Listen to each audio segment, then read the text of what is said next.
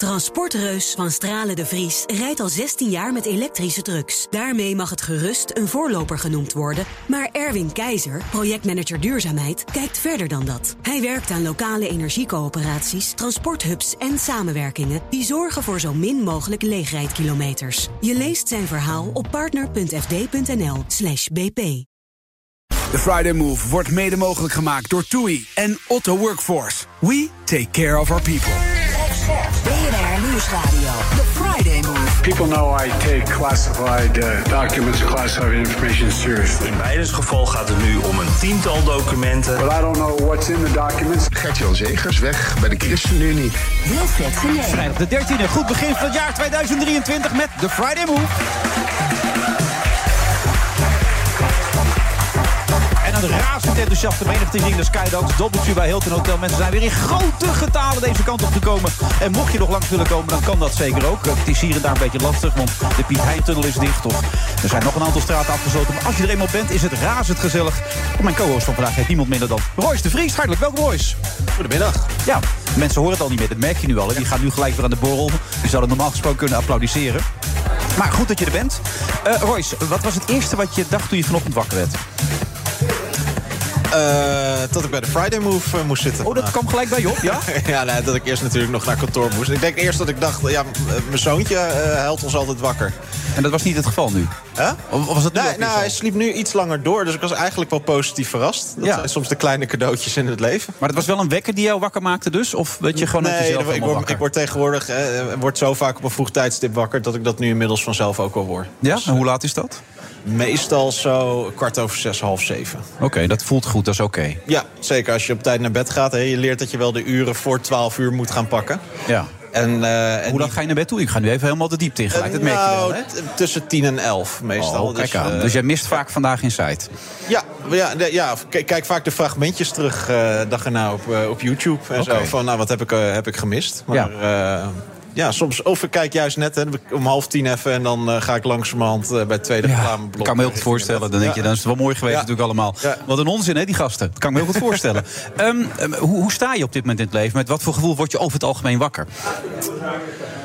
Dat verschilt heel, eh, heel erg. Ik word. eh, soms voel je je goed, maar het lijntje is nog wel dun om je ook weer slecht te voelen. En eh, over het algemeen ben ik blij met het leven wat ik heb. Ik ben heel blij met het gezin dat ik heb. Ik ben blij met mijn werk wat ik heb. Maar we Binnenkort hebben- nog, nog eentje bij natuurlijk, hè? er komt er nog eentje bij. Dus er zijn ook er zijn hele mooie dingen in het leven. Maar we hebben natuurlijk anderhalf jaar geleden met heel groot verlies te maken gehad. En we, ja, we zitten daardoor ook nog steeds in een achtbaan. En af en toe denk je van, oh, nou, vol- volgens mij ben ik er wel weer. Maar soms hoeft er ook maar ja, dit te gebeuren. En dan voel je je eh, ja, toch weer even slecht. Ik heb bijvoorbeeld de laatste tijd heel erg te kampen gehad met slaapproblemen. Dat toch ik- wel? Ja, dat ik niet in, eh, in slaap kon vallen. En dat je dan weer van de slaappillen zit. En dan, dan gaat het weer een maandje goed. En dan weer even minder. Hè, dus dat, eh, daar heb je nog dat steeds mee ook te door maken. het verdriet. Dat- en- ja, ja, waarschijnlijk. Ik denk niet dat ik het had gehad als ik het verlies niet eh, gehad had. Eh, hè, maar het is natuurlijk ook wel dan soms een optelsom. Misschien dan weer net te veel hooi op je vork nemen. In combinatie met het verdriet. En dat hangt allemaal natuurlijk ook nauw met elkaar samen. Hè, dan is er weer een strafzaak. Dan komen er weer allemaal dingen in het nieuws. En eh, dan ook druk met werk bijvoorbeeld. Dus ja, dan, dan heb ik daar af en toe last van Ja, nu. Zijn naam is nog niet gevallen trouwens. De naam van mijn vader. Ja, gek is dat. Maar Ja. ik bedoel, hoe, hoe is dat? Want je weet dat zal hier ook te sprake komen. Ja. Vind je dat fijn of vind je het vervelend? Kijk je Nou, het, tegenop? het- het- nee, ik kijk daar niet tegenop. Eh het is voor mij ook juist een manier om, om het te verwerken, om het er juist over te hebben. Ik denk dat het, eh, dat, dat heel goed is.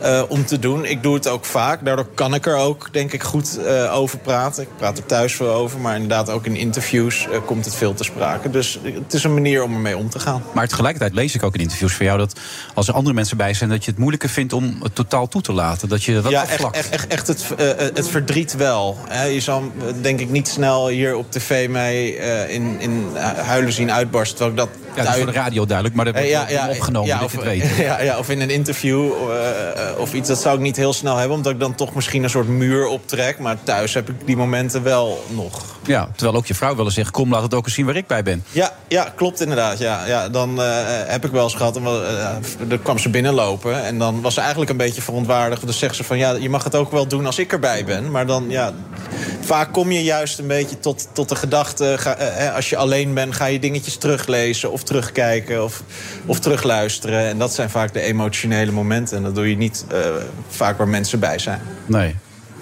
Ik las van Kelly dat eh, ze was een keer met je moeder op vakantie. En toen, toen wilde ze eigenlijk, hoopte ze eigenlijk dat hij een teken kon geven. Dus zat ze over de zee te kijken, een heel mooi restaurant. Ja. En twee minuten later kwam een Wider Shade of Pale voorbij. Ja, klopt. Komt hij ook wel eens bij jou voorbij op die manier?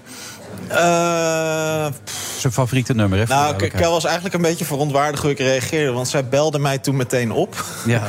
En eh, toen vertelde ze me dat heel enthousiast. En toen zei, toen zei ik, goh, wat toevallig. En, en toen zei ze, oh ja, jij noemt het weer toevallig. Ik, ik, noem het een te- eh, ik noem het een teken. En toen zei ik zo van, oh, laat hem nu Guaranteed van Eddie Vedder dan, eh, dan, sp- dan spelen. En toen uh, hing ze alweer boos op, geloof ik. En, eh, gelijk had ze ook wel. Je vader zou net zo gereageerd hebben trouwens. Ja, ik ja. wel zeker. Ja, ja, ik denk dat we op, dat- op de- die punten er een beetje hetzelfde in, eh, in stonden. Ja. Maar het is wel goed om je te kunnen zien lachen als we het over hem hebben. Dat is belangrijk. Ja, nee, zeker. De- Het, het is er met een lach en een traan. Je, eh, een heleboel mooie herinneringen heb ik natuurlijk ook. Ja. En, eh, en ja, daar kan ik gelukkig ook om lachen. Nee, maar omdat het een tijd was dat je zei... voor tien uur had ik al tien keer zitten huilen. Ja. Dat is nu gelukkig Ja, nee, die, die fase is wel voorbij. Ja. Eh, maar, maar zoals ik wel zei, van de lijn tussen goed en slecht voelen... is, is, soms heel ja, is een dun lijntje. Ja, elke tien minuten denk je even aan. Het programma duurt Ja. tot half zeven, dus hij zal in je gedachten... Nou ja, we hebben het nu al veel over hem gehad. Ja. Dus hij is nu veel eh, Dus compenseer je dat voor de rest van de uitzending? Of zie je hem nog steeds op Geen idee, dat, dat hangt van je vraag af, Wilfred. Oké, dat is wel waar. Ja. Weet je nog de allereerste keer dat wij elkaar ontmoeten eigenlijk?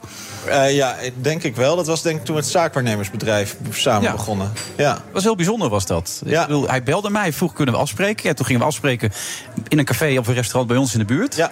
En toen vertelde hij mij dat hij ook zaakwaarnemer voor voetballers wilde worden. Daar zat ik bij. Maar ja. dat, eh, weet je nog hoe ik reageerde? Nou, ik weet eerst dat je zei van, jullie kijken heel serieus. Ja. Eh, weet, weet ik nog. dat het best wel spannend vonden. eh, Ja. Ook denk ik hoe je zou reageren. En eh, ik denk dat je wel toen zei van... Nou, volgens mij kan het alleen een succes worden. Iets in die trant. Maar misschien zit ik daar helemaal Ja, naast. nee, dat zei ik ook. Ja. Maar mijn eerste reactie, ja. Toen zei ik, maar wat moet ik precies met deze informatie? Zei ik. en toen keken jullie me allebei zo aan van, hoe bedoel je? Toen zei je vader, nee, ik vind het leuk om met jou, met, het- met jou te delen. Ja. Ik zei, nee, ja, ik vind het heel verrassend, maar ik had echt het idee, nu gaat iets Nou, wij, wij wisten natuurlijk ook wel dat het ter sprake zou komen in het, in het programma dat je presenteert. Ja, Eh, dus je wilde en iets we- en we, en dachten toen ook wel van, goh, misschien is het ook wel goed om jou dan goed te informeren over wat we precies doen, wat onze overwegingen zijn, hoe we het willen aanpakken. Ja.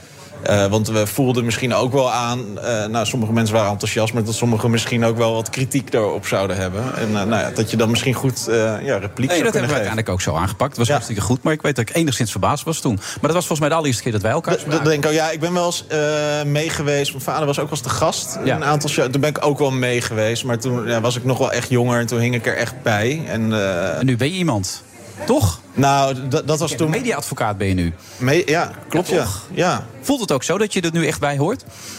Oh, in welke zin bedoel je? Zegt, Van... Ik hing er toen bij. Nou, maar kijk, toen was ik eh, 10, 11 jaar. Hè, dus dan za- zat ik dan in de wachtruimte te wachten. En, en, en toen hadden we echt een, een eerste gesprek. Ehm, Er komt iemand voorbij die zegt dat jij je microfoon dichterbij moet. ja. En toen hadden we, eh, hadden we voor het eerst echt een gesprek. Dat, dus daar, daar ben ik met je eens. Maar ik wilde er eer- meer mee zeggen van... Goh, we hebben elkaar wel eens waarschijnlijk een keer eerder een hand gegeven. Ja. Hoe vind je deze wereld waarin wij werken?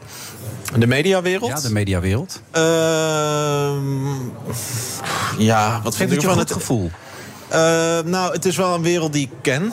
Hè, van jongs af aan Ja. eh, loop ik daar wel min of meer in rond. Eh, kijk ik wel, eh, heb ik, ja, weet ik hoe dingen, ja, hoe, hoe, hoe dingen lopen. Vind je het een positieve wereld? Vind je dat de manier waarop mensen met elkaar omgaan fijn? Nou, niet, want ik, ik heb ook wel achter de schermen gewerkt bij programma's en zo. En dat vond ik aan de ene kant heel leuk, want het was wel heel dynamisch en, en noem maar op. Maar ik vond ook wel veel ellebogenwerk. Of een beetje naar beneden trappen en omhoog likken, eigenlijk, om maar zo te zeggen.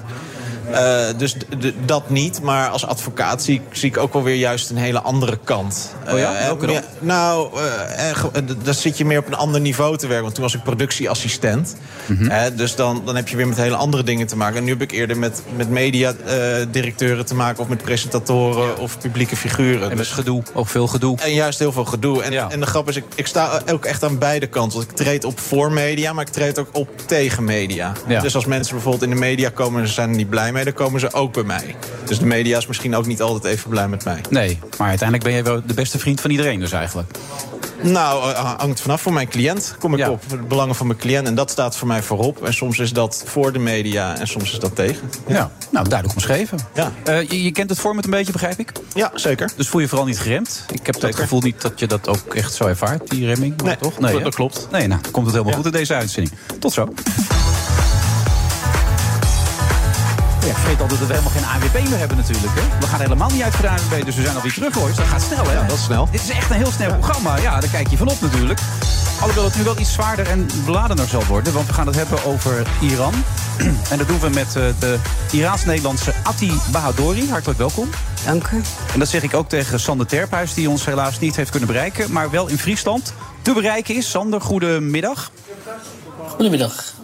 Goedemiddag. Ehm, je heet Sander Terphuis, dan denken een heleboel mensen... hoe kan dat nou? Dat is toch helemaal geen Iraanse naam? Kun je het even kort uitleggen?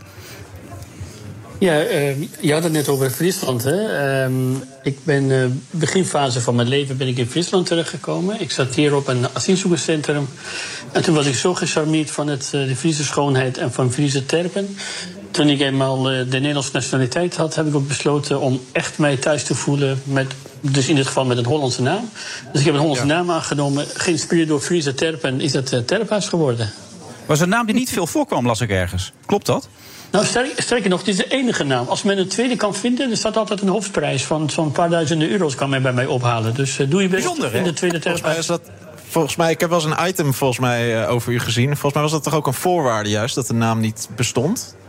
Ja. Klopt, want ik, ik hoor natuurlijk niet helaas van de Nederlandse gezin of familie. Dus dan moest ook wel een niet, niet bestaande naam zijn. Maar ik wilde ontzettend graag dat het Hollands klinkt. Dus dan ben ik zelf creatief, maar eens gaan dingen gaan, eh, met elkaar gaan eh, husselen. Dan kom ik uit ook bij Terphuis. En die, die bleek echt niet te bestaan. Zou je niet denken als je hem zo ziet staan. Tot zover eh, de chit-chat. Nu gaan we naar de serieuzere zaken toe. Hoe is de situatie op dit moment in Iran? Ehm, ja, eh, het is aangrijpend, eh, schokkend. Met name de, de ongekende misdaden van het regime maken dat er enorme mate van angst eh, bestaat. Maar dat zijn niet alleen maar angst, maar het zijn ook feiten. Hè. Me- Mensen die worden opgehangen, eh, eh, ge- gevangen genomen demonstranten, die worden gemarteld. eh, jonge meisjes die eh, op vreselijke manier worden, worden vernederd en verkracht in de gevangenissen. Dat zijn echt ongekende misdaden. Ja. Ja, dat is verschrikkelijk. Ja, ik doe natuurlijk alsof ik niet weet hoe het zit. Maar ik heb natuurlijk een Iraans vrouw, dus ik weet eigenlijk best wel goed hoe het zit. 481 doden officieel, begrijp ik al, toch? Ja, Atti? klopt. Maar Ja. waarschijnlijk nog veel meer, Het toch? is veel meer, ja. Dat is wel officiële cijfer. Ja, waar praat je over, denk je dan? Wat Nou, mensen? ik denk makkelijk eh 800, 900 mensen, denk ik, dubbele. Ja, Ja. zeker weten. Ja. Ja, dat Ja. denk ik ook namelijk. Ehm, kun je het eens meenemen? Sander vertelt al helemaal wat er allemaal gebeurt met meisjes, met mensen. Het is een revolutie opgestart door vrouwen, wat op zich uniek is, toch? In de Ja. historie. Nou, het is in de historie van de hele wereld eigenlijk. Het is de eerste revolutie door eh, vrouwen Ja. eh, gaat nu plaatsvinden. En dat eh, ben ik wel heel erg trots op. Maar hij is begonnen, Mhm. gaat hij ook slagen? Eh 100 procent. Ja. Echt waar, ja? ja. Ben je er zo van overtuigd? Ik ben er zeker van overtuigd, ja. Want die beweging is, ehm, eh, als je kijkt naar ehm, de geschiedenis van eh, Iran en ook eh geschiedenis van de afgelopen tien, tien jaar, dan zie je wel dat je die bewegingen eh, meestal binnen een maand worden wel. Mm, gezakt en het ging niet meer door. Nee. Maar vanaf ehm, de- deze eh, beweging, beweging, revolutie, is wel al meer dan 120 dagen, eh, zeg maar, aan de gang. En, en ver- eh, je, je kan vrouwen niet meer thuis krijgen. En ook kinderen niet, jongeren niet, studenten niet. Het is van alle En alle lagen. executies, alle veroordelingen, dat maakt deze mensen niet uit. Juist eh, door die executies en, eh, en, en die martelingen komen meer- mensen meer op de straat. Want omdat nu jongeren bedreigd zijn met dood... en ze worden elke dag met de gebed, ochtendgebed opgehangen op de straat in openbaar... Ja. Kom, om hun leven te kunnen redden, komen juist mensen eh, voor de gevangenis staan... gaan ze daar demonstreren. En studenten komen wel eh, op straat of... eh, Ze zijn niet bang. ze zijn, ze zijn, natuurlijk zijn ze wel bang, want het is, als je opge- opgepakt wordt... het is nu de nieuwe manier van marteling. Het is georganiseerd martelen, maar ook georganiseerd verkrachten. Jongeren als vrouwen en ook als meisjes. En de laatste tijden gaan ze ook mm, eh, de lijken... als het eh, iemand eh, vermoorden, gaan ze ook de lijk niet geven aan hun, aan hun gezin... maar ook hun organen eigenlijk eruit halen en verkopen. Dus het wordt alles met die mensen daar gedaan. Roy is een man die het recht vertegenwoordigt. Hoe luister je naar? Ja, vreselijk natuurlijk. Van, eh, en, en daar denk ik altijd we ontzettend boffen toch dat we in een land als Nederland eh, zijn geboren. En daarom vind ik ook, hè, want het is natuurlijk maar puur geluk, eh, Wilfred, dat wij in Nederland zijn geboren. Dat we met asiel, asielzoekers, vluchtelingen veel beter moeten omgaan dan we nu doen. Ik ben eigenlijk ook wel benieuwd, hè, want u bent ook ooit naar Nederland gekomen, van de, de, de, ja, het sentiment nu tegen. Wat er nu tegen asielzoekers is, heeft u dat toen destijds ook ervaren? Eh, nee, nee, niet zoveel wat het nu is. Nee, eigenlijk niet. Nee, toen niet. Nee. Eh, eh, nu ervaar ik het ook mm, zelf niet, natuurlijk. Eh, ik hoor het wel op eh, journaal of, of eh, in maatschappij. Ik werk in Amsterdam, dus je, je, dit soort berichten komen wel vaak, zeg maar, hoor ik wel ver- over. Maar ik kan me ook best voorstellen, want de stroom van vluchtelingen de laatste jaren is enorm groot. Waardoor je, kan ik me best voorstellen dat ook ter sprake komt. Maar jouw vader is destijds geëxecuteerd, je neef Ja. ook. Ja. Je, je zag geen andere kans natuurlijk om weg te gaan. Nee, klopt. Ik zag eh, geen, eh, geen weg eigenlijk. Het was de enige weg is eh, vluchten om, om voor vrijheid te strijden. Maar dan moet Want alles wat nu gebeurt zoveel oude wonden doen opengaan, denk ik ook. Eh, ja, het is wel zo. Het is, ehm, het doet me, daarom ben ik ook zo actief bezig naast mijn Ja. hè, werk. Want Sander, ik heb begrepen ook dat je van de week heb je gesproken. Jullie hebben gesproken, heb ik begrepen, toch? En deze week in Den Haag. Dat klopt. Dat was op uitnodiging van eh, minister-president eh, Rutte en eh, minister van Buitenlandse Zaken Hoekstra.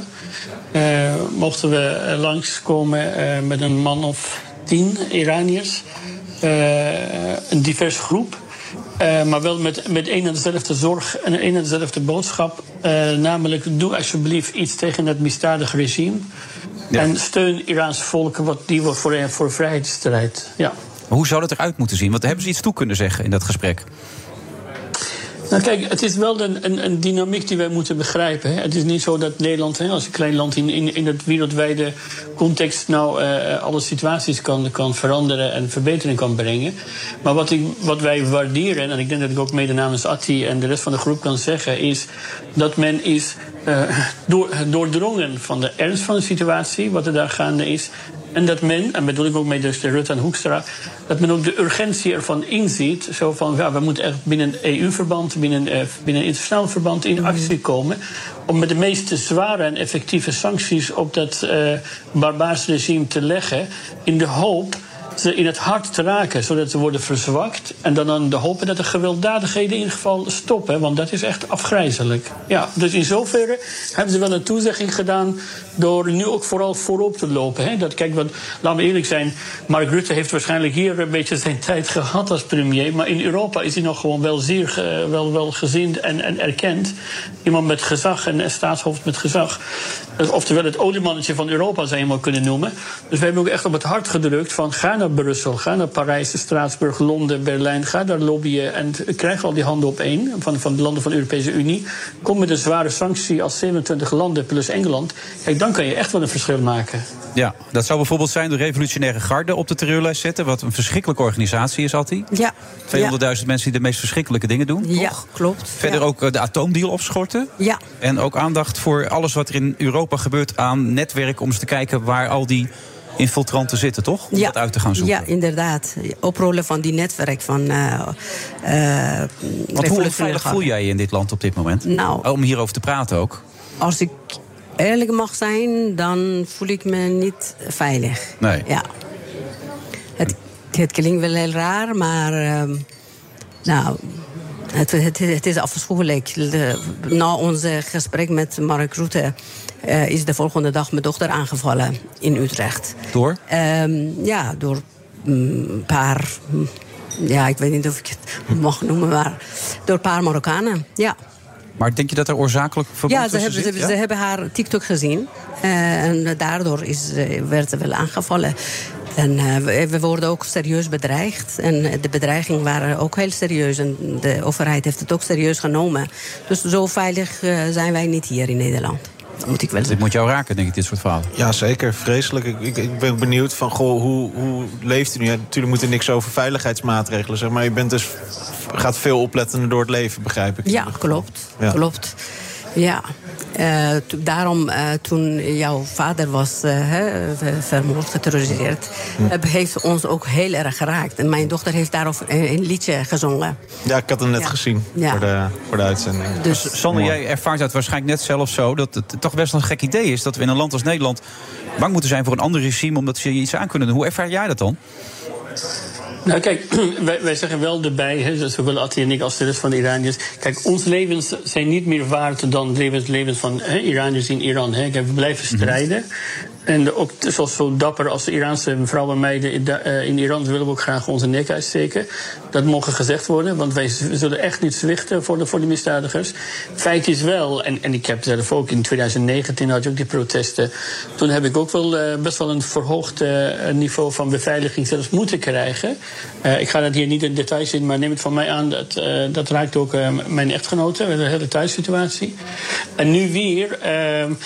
kijk, los- nogmaals, het gaat niet om ons of ons leven. Maar Nee. de Nederland, Nederland en de westerse landen moeten wel echt die naïviteit loslaten. Ze moeten beseffen dat dit een ongelooflijk gevaarlijk, eh, afgrijzelijk regime is. Zelfs hebben ze een parlementariër met de Iraanse origine hebben ze bedreigd. Die, die, die krijgt ook nu ernstige be- be- eh, beveiliging. Dat wil zeggen dat als zij het nodig vinden. Kijk, enige doel van het regime is de macht behouden. En daarvoor doen ze alles. Moorden, verkrachten, noem het. Ook in het buitenland. Die, zelfs als ze moet, dan gaan, komen ze ook in, in ons parlement... gaan ze de leden eh, eh, uitschakelen. En, en overal eigenlijk. Dus wees alsjeblieft alert. Wees niet naïef. En tot slot, wat wij vooral bij premier hebben gevraagd, tweeledig. Eén, nu stoppen van die, van die, van die gewelddadigheden. Dus dat het dat, dat, Iraans volk echt bevrijding, eh, vrijheid krijgt.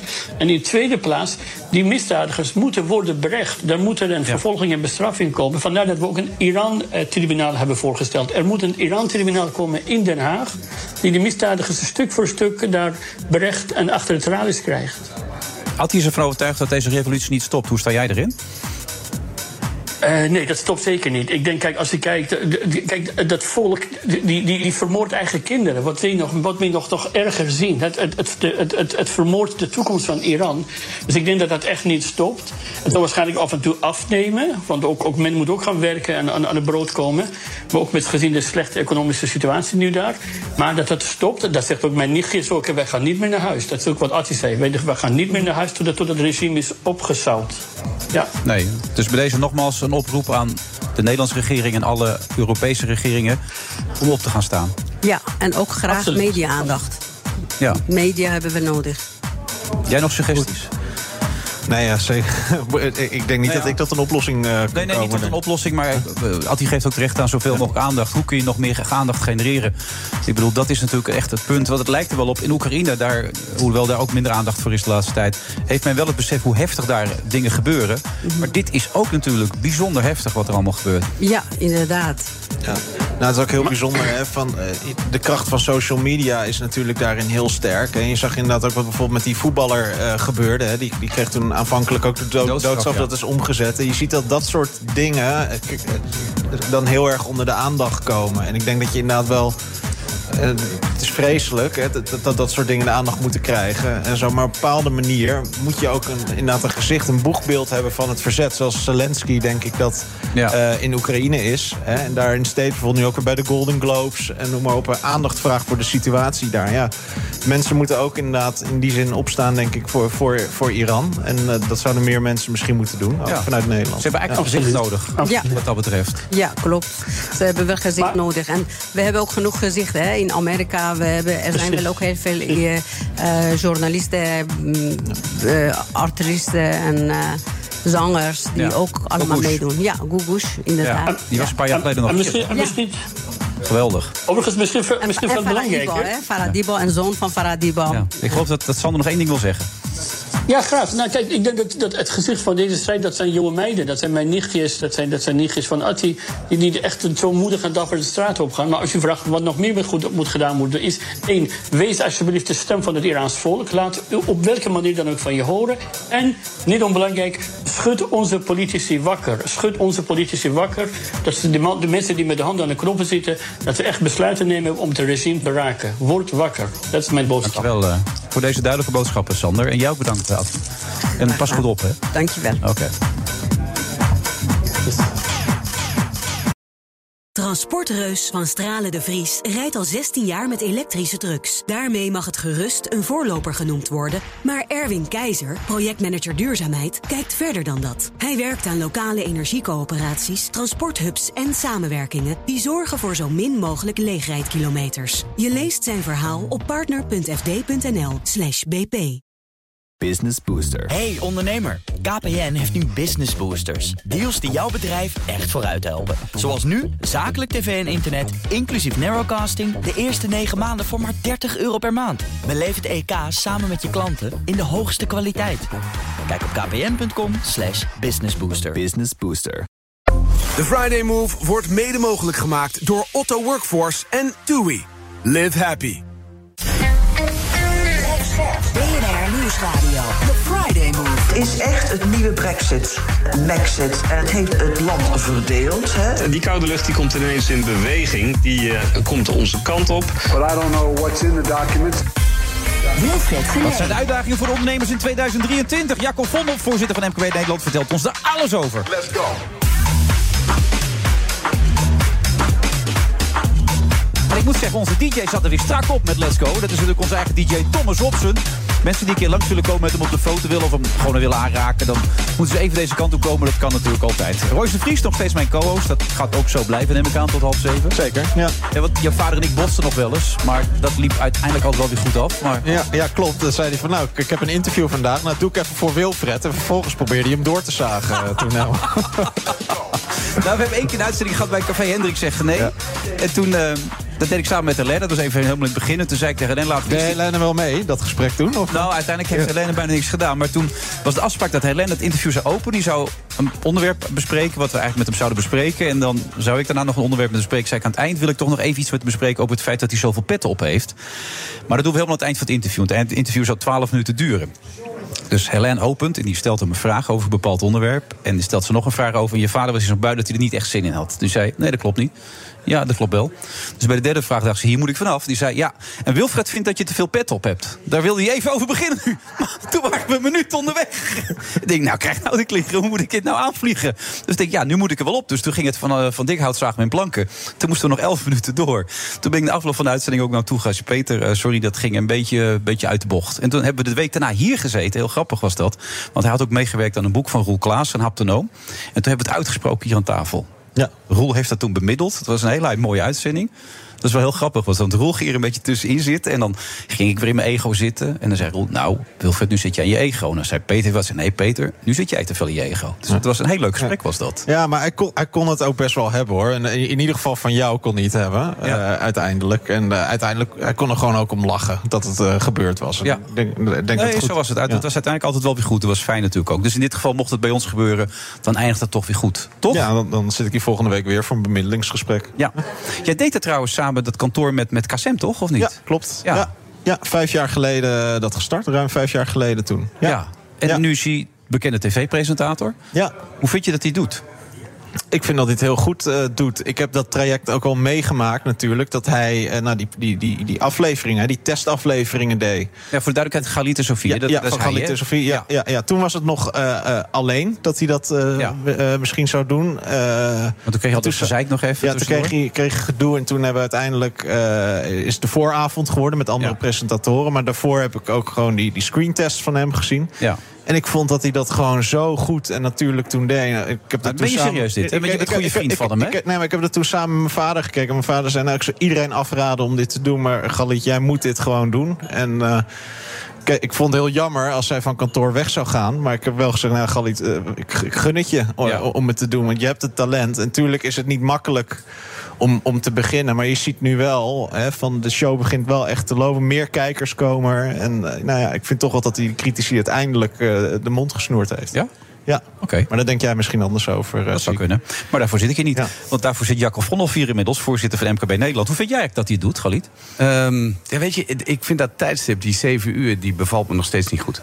Oh? Elk programma wat ik daar kijk, ja, dat is nog steeds niet. Nou, in ieder geval niet het, het is nieuws. geen de wereld draait door meer. Nee, dat bedoel jij Nee, dat is het. Ja, maar dan moet je de zweep erover gooien. Misschien dan dan beter wordt. Ja, misschien. Maar misschien is het ook wel te veel. Dat kan ook. Het is te veel ik, ik kijk van tegenwoordig naar, hoe heet het ook alweer, binnenste buiten. En dan kijk ik naar zo'n kok die dan lekker gerechtje maakt. Ik denk, nou, dat is ook leuk. Ja, sowieso te veel gepraat op tv, toch? Nou ja, dat, misschien zeg Al ik dat wel. hè. Je hebt zoveel van die talkshows. Oh, man, man, man, man. Het is ook veel te veel, hè? Ja, maar ja, dan... dan Welke zouden er weg mogen, wat jou betreft? dat is leuk. Ja, ik weet niet. Ja, er zijn er wel heel veel met Insight, geloof ik. Maar, uh, nou, offside heb je ook. Uh, Insight, ja. en, uh, nee, ja. hoor, nee. Ik, ik, denk dat er voor elke aanbod is. Maar voor mij persoonlijk is die. Ik vind dat 7 uur tijdstip. Ja, dat boeit me gewoon onvoldoende. Oké. Okay. Voorzitter van MKB Nederland. nou, hoe gaat het jaar eruit zien? Denk jij? Ja, nou weet je, ik heb daar, ben maar oh, dat is een diepe zucht. Ja, ik ben opgehouden te voorspellen Jacob. dat we het ergste nu wel gehad hebben, zeg maar. Want dat dacht ik na het eerste jaar corona. Ja. dacht ik na het tweede jaar corona. En dat dacht ik uiteindelijk ook, uh, zeg maar, toen, uh, toen uh, de Oekraïne be begon. Ik dacht van, nou, dat, er moet toch een keer weer een moment komen dat alles normaal wordt. Ja. Um, nou, ik hoop voor 2023 dat het zo is. Hè. Ja, voor ondernemers heel simpel. Hè. natuurlijk, Jacco, maar uh, jouw gevoel erbij. Je kan het toch wel een beetje aanvoelen? Ja, ja, ja nou, het gevoel is. Uh, laat, laat ik het anders zeggen. Kijk, voor een ondernemer, uh, als hij in de boeken dicht doet, 2022 afgelopen, 2023 grote kans. Hmm. Ik bedoel, zo begin jij elk jaar weer. Ja. Um, en ik denk dat ondernemers dat ook allemaal doen. Ik maak me wel wat zorgen over onze overheid. Het, um, nou ja, er zijn uh, miljarden nu staan klaar om, uh, om in uh, energiecompensatie te, te, voorzien. En ik maak me wat zorgen over, nou, laten we zeggen, toch het automatisme waarmee het kabinet die grotere uitgaven. Mm -hmm. uiteindelijk via een bocht toch bij ondernemers gaat neerleggen. Ja. Met alle extra belastingen. En... Exact. Dus uh, ik heb ooit um, geleerd, dat heette de zalnorm voor degenen die dat nog hebben meegemaakt. Mm. Dat de overheid bij uitgavenoverschrijdingen, dus als je te veel uitgeeft, moet je aan de uitgavenkant ook gaan snijden. Dat heet bezuinigen. Ja. En aan de inkomstenkant uh, meevallers en tegenvallers aan de inkomstenkant op, uh, op, uh, opvangen. Nou, deze, dit kabinet is van plan om uitgaven tegenvallers, dus die 40 mm. miljard die in die energievoorziening compensatie gaat, om die op te halen aan de inkomstenkant. Dus, nou, dat zullen ze zeker niet bij burgers doen. Dan maak je je niet heel populair. Hmm. Dus ik zie erbij al hangen. Ja, ja, heb je deze opleiding ook gehad, Royce? Ken je dit verhaal of niet? Nou, ik heb, ik heb economie gehad op ja. de middelbare school. Maar dat is wel, uh, volgens mij wel met een oké okay cijfer afgesloten. Maar dit heb ik niet geleerd toen. Nee. Maar de, de, de, business bij jullie gaat wel goed, voor de duidelijkheid even. Jullie mogen Zeker, niet klagen. Ja. ja, nee, we zijn echt uh, uh, ja, heel Maar je hoort natuurlijk ook wel wat er ja. speelt in het land. Ik zag gisteren allerlei verhalen over horeca bijvoorbeeld. Ja. Dat zag er niet best uit. Dat horeca Nederland riep uh, van er willen een heleboel stoppen. Die zullen niet zitten. En dat, dat zal ook voor MKB gelden, denk ik. Ja, breed. Ja, kijk, het, het, het bijzondere is natuurlijk, kijk, MKB, MKB Nederland, het hele MKB-landschap. Laten we zeggen, ondernemers met mensen in dienst, zo'n 350.000 zijn dat er. Ja, daar, daar zijn ook best uh, branches en sectoren waar het heel goed gaat, gelukkig. Hè. Bijvoorbeeld uh, advocatuur, maar in de maakindustrie uh, gaat het best oké. Okay. de bouw, hè, als er geen tekorten aan personeel zijn en ja, de vergunningen een beetje komen. zeggen, als je stikstof niet de hele tijd als tegenstander hebt. Maar er zijn ook branches en sectoren die het echt heel zwaar hebben. en eigenlijk ook corona nog steeds niet te boven zijn gekomen. Nou, het beeld wat je nou ja, uit de media haalt is... het gaat heel goed met de economie. Bedrijven maken miljarden winsten. Maar ja, dat gaat over de grote beursgenoteerde jongens... die ja. uh, over de hele wereld zitten, zeg maar. Maar niet over die MKB'er in de winkelstraat of op het industrieterrein. Wat zou je tegen de overheid willen zeggen dan? Doe dus even een tijdje niks. Doe even een tijdje niks. Doe eens even een tijdje niks. Oh, kijk, dat zijn adviezen, Ja. toch? Ja. Maar gewoon in de zin van... Nou het, het, het- het is toch ook zo vaak dat landen die eh, even geen regering hebben... omdat eh nou, gedoe is met verkiezingsuitslag... dat die economieën altijd heel goed gaan... omdat er helemaal geen beslissingen eigenlijk genomen worden. Ja, dat zou, ja, zo zou je het kunnen zeggen. Ja. En, ehm, nou ja, kijk, weet je, ehm, mijn grote oproep eh, eind vorig jaar en voor dit jaar aan, aan dit kabinet en volgende kabinetten Ja, is. dat zou sneller kunnen dan je denkt misschien, ja? Ja, precies. Ehm, eh, hopelijk niet Italiaanse eh, tempi, maar eh, wel. Nee, kijk, laten we dingen weer simpel maken. Wij hebben in dit land ehm, zoveel dicht geregeld. En of dat nou in de fiscaliteit is, dus in de belastingen, of het is in de sociale sfeer, waardoor mensen die willen werken vanuit een uitkering niet kunnen werken omdat ze erop achteruit gaan. Wij hebben zoveel rare prikkels in ons systeem gebouwd, omdat die systemen nou ja, zo overcomplex zijn, dat we niks meer kunnen. We kunnen, als we Nederlanders willen helpen met een energieprobleem, kunnen we dat niet oplossen, behalve iedereen 190 euro geven twee maanden lang. Ja, want ik las net ook allerlei mensen die nog een hogere rekening nu krijgen met het energieplafond dan ze ervoor hadden. Ja. Dus het is best raar, toch? Als je erover nadenkt. Dat kan niet de bedoeling zijn geweest. Maar hoe, hoe, hoe dan? Nou ja, weet je, het- je, je moet even. Voor mij is de analyse dat wij dingen zo ingewikkeld hebben gemaakt. Maar je wilt dus minder regelgeving, afschaffen Nou, ervan. Kijk, ondernemers, mensen, burgers eh, willen altijd regels, want ze willen hun recht kunnen halen. En dat is ook prima. Maar wij hebben ehm, eigenlijk voor alles uitzonderingen gemaakt. In elk systeem. De Belastingdienst, vandaag op de voorpagina van de, van de Telegraaf. De Belastingdienst heeft software ergens uit het jaar nul. Ja. En, en er kan gewoon niks meer. Ja, dan moet je toch eens een keer gaan nadenken van... zouden we nou niet eens een keer de boel opnieuw moeten gaan verzinnen en versimpelen. En eh, een, een nieuwe eh, norm afspreken met elkaar... dat wij in dit land ook fouten kunnen maken. En want we leven in een land waarin eh, iedereen denkt... dat we een soort van foutloze samenleving kunnen bouwen. Met als gevolg dat, we, ja, dat eigenlijk helemaal niks meer kan. En ondernemers dus ook niet meer kunnen ondernemen. Mensen die meer werken, niet meer geld verdienen. Ja, volgens mij is dat eh, het failliet van, eh, van eh, waar we nu mee druk zijn. Maar dat is altijd een reflex, hè? want er is er altijd, die regelgeving is vaak geba- gebaseerd op verontwaardiging die er ooit geweest is. Hè? Dat heb je bijvoorbeeld bij de uitkering gezien en noem maar op. Ja, daardoor zijn er hele strenge regels vastgesteld. Je ziet het ook in de toeslagenaffaire. Daar is het misgegaan. En, da- ook, en ja. daarin slaan ze dan weer veel te veel door. Ja, je moet, je, je moet met elkaar accepteren dat als je heel veel doet... de overheid geeft bijvoorbeeld 400 miljard per jaar uit... dat er soms ook iets misgaat. En dan moeten we niet met z'n allen op de banken gaan staan en roepen... dat er, eh, dat er iemand straf moet krijgen. Soms gaan dingen gewoon niet goed. Maar dat betekent niet dat je dan de volgende regel moet bedenken... om te voorkomen dat het fout gaat. Nou, dat hebben we lang genoeg gedaan. Ik zou zeggen, jongens, laten we het weer simpel maken. Ondernemers die risico nemen en willen ondernemen... dat die daar ook wat aan over kunnen houden. Dus stuur nou het bonnetje van de energiecompensatie... alsjeblieft niet dit jaar naar die ondernemers.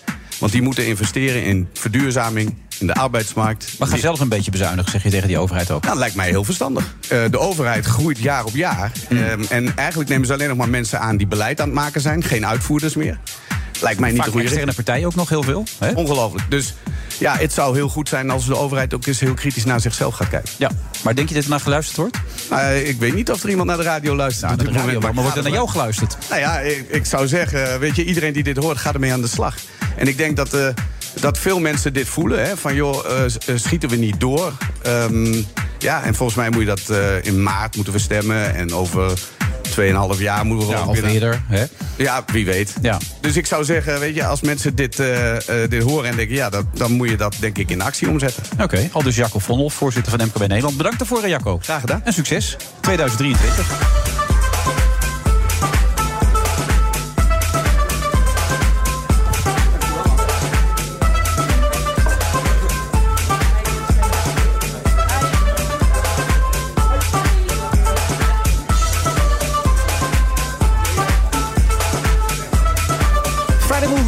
Vrijdagmorgen, vrijdag eh, 13 januari in het jaar 2023, de eerste. Je kunt nog steeds langskomen trouwens. Dat hebben de nodige mensen gedaan die hier rustig aan de borrel zitten. En dat kan tot half zeven. Royce de Vries is mijn eh, co-host. Eh, Royce, ehm, dat heeft ook heel veel aandacht met zich meegebracht. De verschrikkelijke situatie met je vader. Was het ook wel eens te veel? Was je er ook helemaal klaar mee? De aandacht die ervoor was? Nou ja, niet zozeer de aandacht voor het overlijden, maar meer het... Iedereen was ermee bezig, ook met jullie bezig. Ik kan me voorstellen dat je soms ook wel even rust zou willen. Zeker, maar ik, ik, ik moet ook wel zeggen, hè, helemaal de periode in het ziekenhuis en zo. Ja, wij zaten toen heel erg bijvoorbeeld in een familiekamer. En hebben we natuurlijk wel een beetje het nieuws gevolgd. Maar ik moet ook zeggen, eh, Galit, je noemde hem net al, die, die kwam eh, op een gegeven moment ook de familiekamer. En die zei, oh, het is echt heel groot. hè, eh, het nieuws en noem maar op. En dat heb ik niet zo heel erg meegekregen of ervaren. Misschien is dat gewoon ook langs me heen gegaan door alles wat er, eh, wat er gebeurde. Maar tuurlijk, soms is het ook veel. Het is heel fijn dat mijn vader, eh, nou, zoveel mensen daar stil bij hebben gestaan. En dat ze hem een, een eer hebben bewezen door de bloemenzee neer te leggen en noem maar op. Soms is het ook eh, inderdaad wat lastig. Ik word inderdaad op straat eh, er heel vaak op aangesproken. Mensen die me nog steeds condoleren. En dat is natuurlijk heel lief. Eh, maar soms sta, als je bij de slager staat, wil je gewoon een vleesje eh, halen. En wil je daar niet altijd eh, ja, weer gecondoleerd worden of ermee geconfronteerd worden. Nou, maar ja, dat, dat hoort erbij. Ja. Het is een beetje eigenlijk als de koninklijke familie, hè, die altijd aandacht heeft natuurlijk ook. Dat is best wel pittig, lijkt me ook. Maar ik weet niet of mij met de koninklijke familie moet Nee, maar als je op het middenpunt staan, dan kom je er ook niet zo snel meer uit. Dat bedoel ik eigenlijk. Nee, dat klopt, inderdaad. Ja. Kijk, ik, ik, ik heb er wel voor gekozen om af en toe de, de media ook op te zoeken. Hè. Dus misschien ook op een bepaalde manier een keuze van mezelf... om het er inderdaad af en toe over te hebben. Ja. En zo, maar ik ben nou Maar je ook... wilt niet je vader zijn, hè? Zei, je, want die dook te vaak overal op, toch? Zei je wel een keer. Nou, zei, ik, ben- ik ben er misschien iets selectiever in, maar het was ook echt zijn werk. Ik ben advocaat en ik vind het ook wel belangrijk eh, dat mijn cliënten denken van... goh, die is echt met de advocatuur bezig en ik zie hem niet de hele tijd op tv. Ja. Eh, hè, dus ik ben wel selectief in, eh, in wat ik doe. Ik krijg veel, wel veel verzoeken voor interviews, docu's... of ook inderdaad zelfs om programma's te gaan presenteren en dat soort dingen. Oh ja? Ja, maar... eh, Nee, niet geïnteresseerd? nou, ik, daar ben ik wel heel kritisch op in ieder geval om dat te doen. En soms komt het er om andere redenen ook niet van. Eh, het is niet iets per se wat. Er staat nog niks tussen wat jou aanspraakt. Maar als er iets voorbij Soms komt wat jou aanspreekt, dat zou kunnen. Eh, eh, nou, als het me niet zo erg aanspreekt, dan ga ik daarover nadenken. Ja, wat zou jou kunnen aanspreken dan? Nou ja, zoals ik zei, het ambieert mij. Of ik ambieer het niet per se om. Nee, maar je zegt geen nee, hoor ik hier, Royce. Nou ja, als het een heel mooi project is of iets, dan, dan zou ik daarover nadenken. Maar wat is een project dan? Waar moet ik aan denken? Ah ja, ik weet niet, Wilfred, heb je, heb je Nee, moet het iets juridisch zijn? Moet het entertainment zijn? Nou, moet het een je- kijk, inhoud kijk, hebben? je zal- ik, ik word ook wel bijvoorbeeld voor entertainmentprogramma's eh, wel eens gevraagd voor, voor quizzen en, en, en noem maar op. Daar zeg ik wel meestal nee tegen. Hè. Het moet wel eh, iets zijn wat, wat bij me past. Hè. Een, een interviewprogramma of, eh, of iets, daar zeg ik nog wel eens ja tegen. Maar je zal mij niet eh, zien bij Ik hou van Holland of iets in die richting. Maar het moet dus een project worden, wat totaal vaag is wat je nu zegt. Maar een goed project, daar sta jij voor open. Eh, eh, ik, zoals ik zei, daar zou ik dan over nadenken. Dus ik lees binnenkort uh, Royce Sterker nog, Wil- Wilfred, ik kan me herinneren dat ik een mailtje van jou eh, een keer eh, heb gehad na het overlijden. Toen zei je van, goh, ik wil op een bepaalde manier de legacy eh, voortzetten. Kunnen wij het programma wat je vader heeft gemaakt... niet op een bepaalde manier weer... Ja, op met verschillende presentatoren. Ja. ja. Toen heb ik gezegd dat, het, eh, dat ik dat niet echt mogelijk... eh, dat het eh, een heel mooi programma was vroeger... maar dat ik dat... Er zat zoveel werk in. Voor, ik geloof dat een redactie was van 17 man. Ja. En dat, ja, dat is iets wat tegenwoordig gewoon ook niet meer kan. Maar er moet toch iets gebeuren? Ik bedoel, ik heb op de radio, zolang ik nog radio deed, ook eh, op, de op de schaal van op de, meet, op de meter van Peter gemaakt. Dat ik met mensen sprak die ook betrokken waren bij situaties waar hij juist zijn best voor deed. Ik vind dat er nog steeds veel meer zou moeten gebeuren op dat gebied. dus daar zou je voor openstaan voor zo'n project. Nou, zeker. Op een bepaalde manier. Als het de, de nalatenschap van mijn vader... eh, hè, als, als dat zijn reputatie eer aandoet, eh, zeker. Ja. Ja. Ondertussen zit Sam Hoevenaar erbij, die is royalty-deskundige. Hoe, hoe luister je naar dit gesprek, Sam? Ja, eh, ontroerend ook wel, maar ik, ik, ik zie het je wel doen. Ja, ik zou het heel mooi vinden als je een programma gaat maken. Nou ja, ja, zoals ik zei, eh, ik, ik, ik weet niet... eh, hè, er moet er een goed idee zijn. Maar eh, nogmaals, ik ben ook advocaat. En daar, ben, ik- daar ben ik druk genoeg mee. Jawel, En, maar ik, ik hoor een opening hier. Sam, goed dat je er bent, hè? Ja, gezellig. We gaan het over Prins Harry hebben. Wat is nou je eerste gevoel bij Prins Harry? Gewoon het eer- eerste wat bij je opkomt. Nou, op dit moment Boem. vooral hoeveel ik over deze man gesproken heb de afgelopen week. Ja, wat je moe van. uitkomst Daar van word je heel moe van, hè, of niet? Ja, die man, die man. Hij, eh, ja, ja, dat boek dat heeft zoveel losgemaakt. Ja. Ehm, en ik had nooit gedacht dat ik zoveel details over het Koningshuis zou weten als dat ik na dit boek doe. Eh, en, en eerst natuurlijk al al die uitgelekte verhalen en heb je niet zoveel context. En nu lees je het en dan denk je, oh ja, het is zo gedetailleerd. Ja, waarom in godsnaam? Ja, omdat er, eh, zoals hij zelf zegt, eh, 38 jaar over hem geschreven Ja, maar is, over hem nou gelekt dat, dat is. zijn piemel bevroren is als hij ergens Nee. naartoe gaat? Wat, wat moet ik nou met deze informatie? Nee, da- daar, daar, daar kan je inderdaad niks mee. Er zijn een aantal details in dit verhaal waar je uiteindelijk niks mee kan. Maar het is Nee. zijn biografie. Als je het in zijn geheel leest, eh, eh, word je meegenomen door zijn leven. En dan komen dat soort details. ja, hoeveel mensen eh, heeft de Taliban heeft hij doodgeschoten? Hij zegt 25 man. 25 man. Ja. ja, dat is natuurlijk niet zo'n handige uitspraak. Daar was ook heel veel kritiek op. Maar ik moet wel zeggen, uh, uh, als je het boek helemaal leest... dan gaat een heel groot gedeelte over zijn tijd in Afghanistan. Wat heel veel indruk op hem heeft gemaakt. En uh, hij, hij maakt zich natuurlijk hard voor mentale gezondheid voor veteranen. En dit ziet hij als een soort van de hand uitsteken naar veteranen door te zeggen: je kunt er eerlijk over zijn, je kunt erover praten. Um, maar ja, tegelijkertijd is privacy en veiligheid zo'n belangrijk thema voor Harry momenteel. En dit uh, is dan natuurlijk niet zo handig om zo'n getal te delen. Ja. Ik zit er met verbazing naar te kijken. Heb jij dat ook? Met, met dat boek? Met dat boek en die documentaire? Nou, ik, ik heb die documentaire gezien. eh, En uh, ik kreeg wel meer begrip voor een situatie. Ik snap heus wel dat na al die tabloid-publicaties... Uh, dat zij dachten van, goh, wij willen daar eens een keer antwoord op geven. En ik, ik heb door die documentaire op een bepaalde manier ook juist wel... Uh, ja, wat meer sympathie in ieder geval voor hun situatie gekregen. Want ze zijn echt wel ook onrecht aangedaan, vind ik, door de pers... en ook door, door, door de koninklijke familie in Engeland. En daar is zo op hun ingehakt. Uh, en met valse berichtgeving, valse beschuldigingen, noem maar op. Dus ik snap heus wel dat ze zeggen... nou ja, ik, wij willen, ik wil me een keer uitspreken hier tegen... en ik wil eens een keer op een goede manier mijn verhaal vertellen. En natuurlijk... Uh, zal daar een hele mooie uh, royale uh, vergoeding tegenover gestaan hebben. En zal dat ook een rol gespeeld hebben. Ik heb het boek niet gelezen, dus ik kan daar geen oordeel over geven. Maar ik snap heus wel dat ze. Uh, nou ja, daar een keer een reactie op wilde geven. Nee, zeker. En dat, dat heb ik ook heel erg. Dus eh, toen ik de documentaire keek, dacht ik ook goed dat uh, de tabloidcultuur zo'n groot thema is. Ja. Want het is goed om te bespreken wat het met je doet om constant in de pers te zijn op die manier. Met ook dus verhalen die niet kloppen. En om op te groeien als tweede in lijn. Want daar gaat het natuurlijk ook heel erg ja. over. Hoe is het nou om altijd het backup plan te zijn? Plan B wordt die, zo zegt hij, genoemd. dat, ja, dat heeft natuurlijk mentaal heel veel invloed op hem gehad. Dus het is goed om dat verhaal te vertellen. Tegelijkertijd, hè, die docu is dan op die manier heel goed. Dat boek is zo gedetailleerd en hij uh, vertelt ook heel gedetailleerd over gesprekken en ruzies met zijn familieleden. En tegelijkertijd wil hij het eigenlijk weer goed maken met zijn familie. En dat is natuurlijk uh, vrij tegenstrijdig op, uh, op dit moment. Doordat hij zo schrijft over wat zijn broer tegen hem zei en wat hij toen terug zei. Dat maakt het voor de koninklijke familie zo moeilijk maar, om. Maar als je überhaupt die documentaire gezien hebt, is dat iets eigenlijk wat helemaal ingebakken is al in die koninklijke familie. Hè? Dat, dat allemaal aparte persafdelingen ja. hebben die dan weer over elkaar allemaal dingen uh, lekken naar tabloids en zo. Dus in die zin zie ik eigenlijk niet in hoeverre dat dit boek heel erg afwijkt van wat er eigenlijk al tientallen jaren gebeurt. Nee, dat klopt. Hè. Je hebt nu die bevestiging van Harry. Ja. Dat hij dus, tenminste, dat is dus zijn kant van het verhaal. Hè, dat er gelekt wordt aan de pers. En dat er banden zijn met de pers. En dat ze ook allemaal onderling ruzie maken over wie op de voorpagina staat, bijvoorbeeld. Um, Nee, dat is ook goed hoor. Dat is ook goed dat dat besproken wordt. En dat is in Engeland natuurlijk ook wel echt weer hier heel anders dan in Nederland.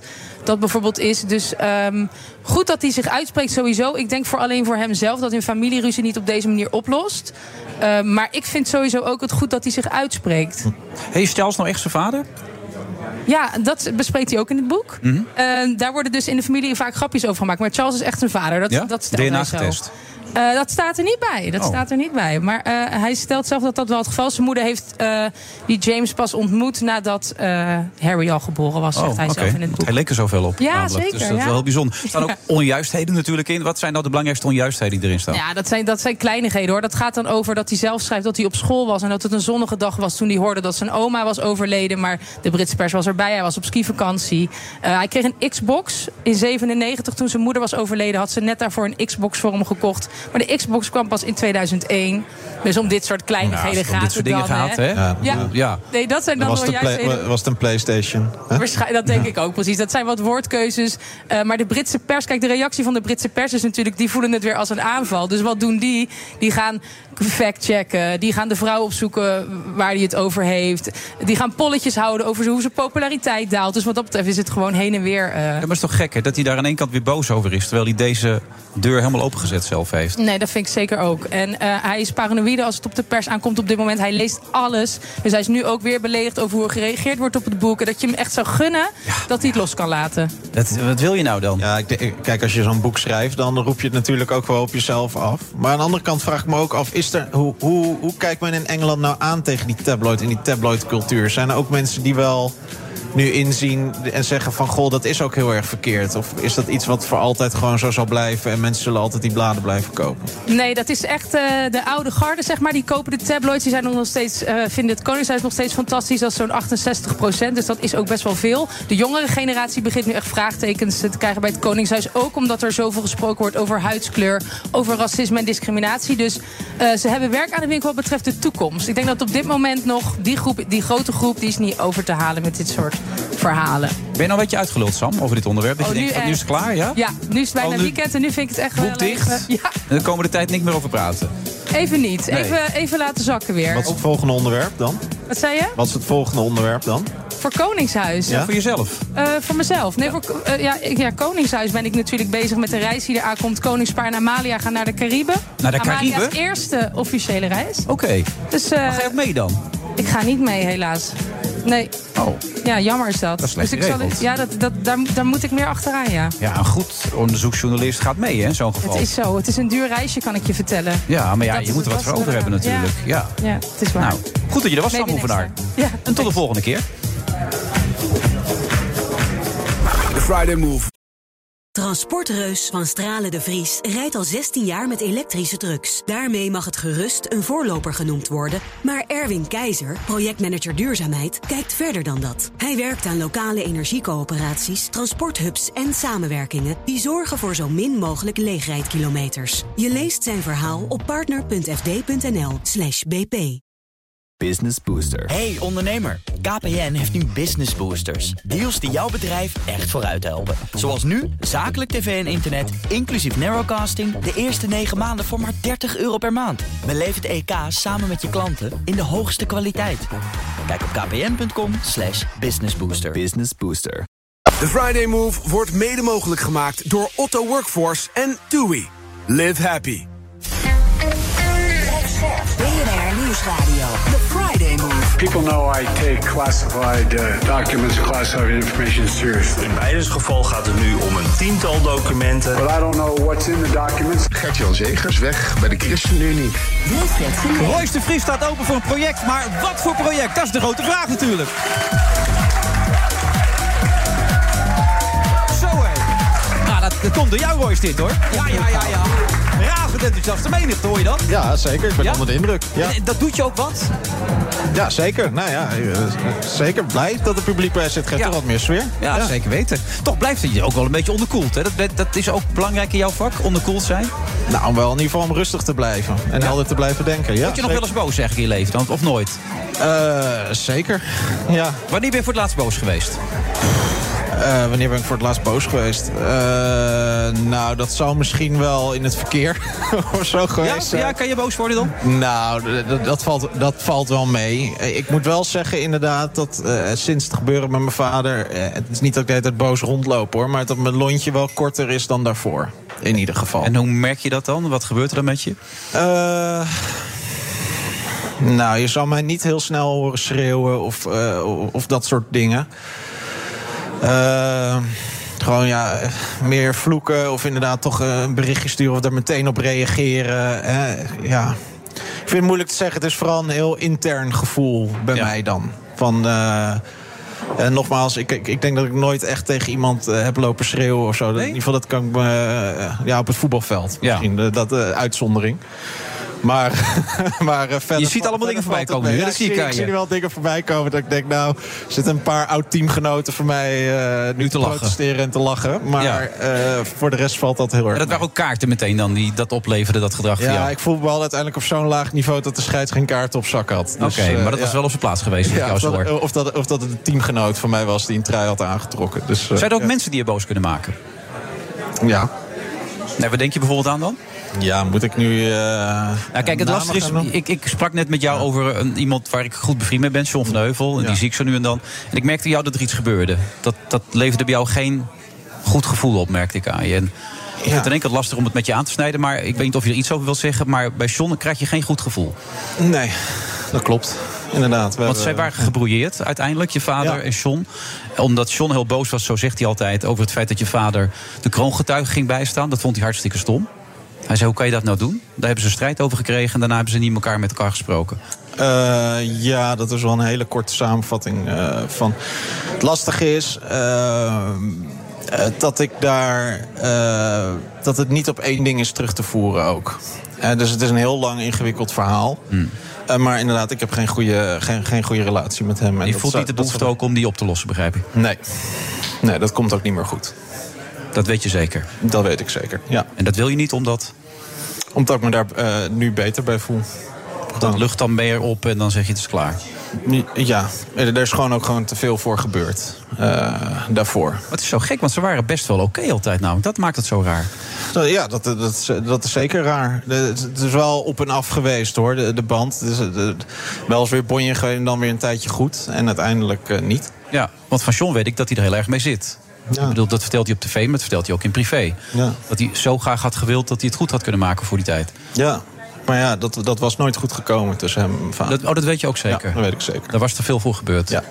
Waar je verder niet op door wil gaan. Daar wil ik niet te veel over zeggen. Ook, ook omdat het is ook niet op één ding per se terug te voeren. Maar wat ik over kan zeggen is dat het nooit goed eh, meer was gekomen. Oké, verdrietig.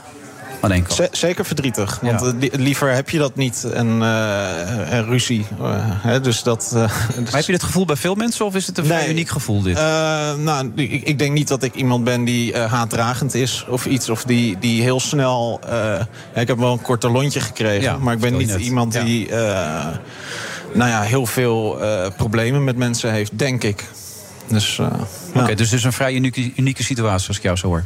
Eh, ja, uniek. eh, misschien ook weer niet. Zoals ik al zei, van, goh, na, na 6 juli vorig jaar is er gewoon heel veel gebeurd, überhaupt. Dat is wel een jaar, het jaar daarvoor, hè? als je erover nadenkt, volgens mij toch? Of? Ja, het is anderhalf jaar terug. Ja, zo snel gaat het alweer. Ja. Ja. Ja. Ja, Ja. Er is veel gebeurd.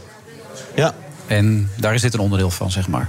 Eh, ja, zeker. Ja, je vertelde net dat je in het ziekenhuis zat toen Galit binnenkwam om te vertellen hoe groot het was. Ja. Ik las dat je toen je brief al geopend had, je afscheidsbrief van je vader, terwijl je nog in het ziekenhuis zat. Dat was op eh, de dag van zijn overlijden. Oh, dat was We wisten de dag ervoor al dat hij eh, de dag erna zou komen te overlijden. En eh, wij wisten dat mijn vader die brief, eh, die had hij aan mijn moeder gegeven.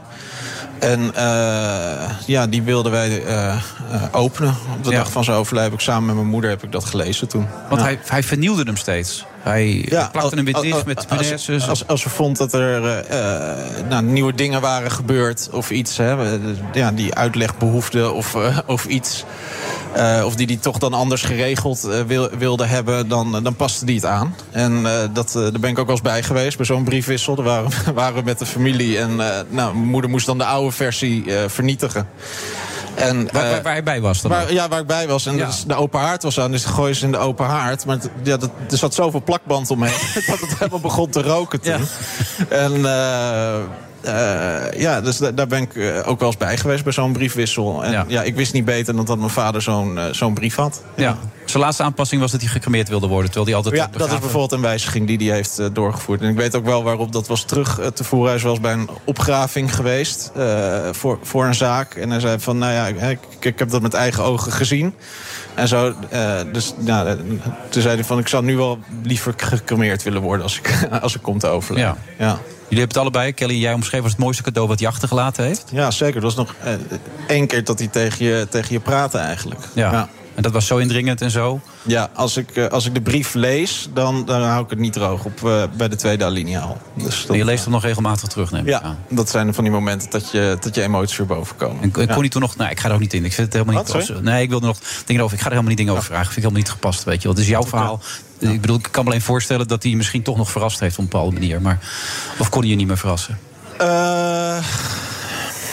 nou ja, kijk, inderdaad, over de inhoud van de brief wil ik niet te, te Nee. veel zeggen. Eh, het was niet eh, eh, zo, en dat heeft hij ook vooraf altijd gezegd... dat we echt met de mond open zouden staan Nee. in de zin van... Want jullie waren nou, bang extra broertjes en zusjes, hebben jullie wel eens een grap gezegd. Maar dat was niet nou het ja, geval. dat, dat hebben we wel eens inderdaad met een knipoog gezegd en zo. Maar hij, hij heeft wel gewoon echt tegen ons gezegd van... goh, jullie weten alles van mij. Ik, ik neem geen geheimen mee mijn graf in. Dus, eh, dus dat was fijn. Het was, het was vooral hele mooie dingen stonden erin. En ook inderdaad een paar praktische dingen... hoe die dingen graag geregeld wilden hebben. Ja. En dat is fijn om, eh, om dan ook wat handvatten te hebben. Want dat, dat maakte ook heel veel duidelijk. En dat voorkwam ook, denk ik, discussies. Ja. Heel goed. Eh, je ging langs plekken zo nu en dan op de moeilijke dagen. Dat doe je nog steeds, neem ik aan, toch? Waar jullie samen gevist hebben, gevoetbald hebben, dat soort dingen. Ja, dat heb ik op 6 juli heb ik dat gedaan. Toen was het een, eh, een jaar na de aanslag. Eh, en toen ben ik naar mijn oude voetbalclub even geweest. Alleen er waren heel veel was een soort trainerscursus die gegeven werd. Dus toen- het was niet echt dat ik daar even rustig kon zitten. En toen ben ik inderdaad langs het parkje waar we vroeger voetbalden geweest. En inderdaad waar ik gevist heb. Vroeger vaak met hem en zo. En daar heb ik dan even gewoon rustig gezeten. En op 15 juli heb ik er juist gewoon een mooie dag van gemaakt. Ja, ik met mijn vrouw naar het... eh, dat was zijn sterfdag. Ja. Eh, eh, en ben ik naar het strand gegaan met mijn vrouw en een drankje gedronken. Ja. Toen was ze nog niet zwanger, dus toen eh, kon dat nog. Oh, dat kon nog? Ja. ja. Kan nu niet meer, hè? Nee, dat kan nu niet meer. Binnenkort een tweede. Nee. Ja. En wat geef je Vender mee van je vader? Ja, zoveel mogelijk. Eigenlijk. Ik ben heel blij en trots met de opvoeding die ik, die ik gehad heb. En hoe mijn vader dat aangepakt heeft. En ik hoop dat ik in de buurt kan komen hoe hij dat eh, met mij heeft gedaan. Met de aandacht die hij die, die mij gegeven heeft en de liefde. Dus Ja. dat, eh, ja. Klein probleempje al. Een link- eh, rechtspoot, begrijp ik. Ja, ja, ja. ja nee, dat klopt. En hij trapte voor het eerst tegen een bal. En mijn vader en ik... eh, zijn, hè, mijn vader was links en ik ben links. En het was altijd een beetje een soort connectie tussen ons. En hij trapte voor het eerst tegen een bal aan. Ja. En ik heb dat ook gefilmd trouwens. En in plaats dat ik zeg, leuk Vender, je trapt tegen een bal aan. Het enige wat ik zeg is, kut, hij is rechts. ja. Maar goed vind je, hè? toch? Ja, zeker. Ja, Ja, mooi man. Vaderschap, schitterend. Ja. Ja, ik hoor die muziek, moet hem even door laten gaan. Nou, even DJ Thomas Robson, even omhoog.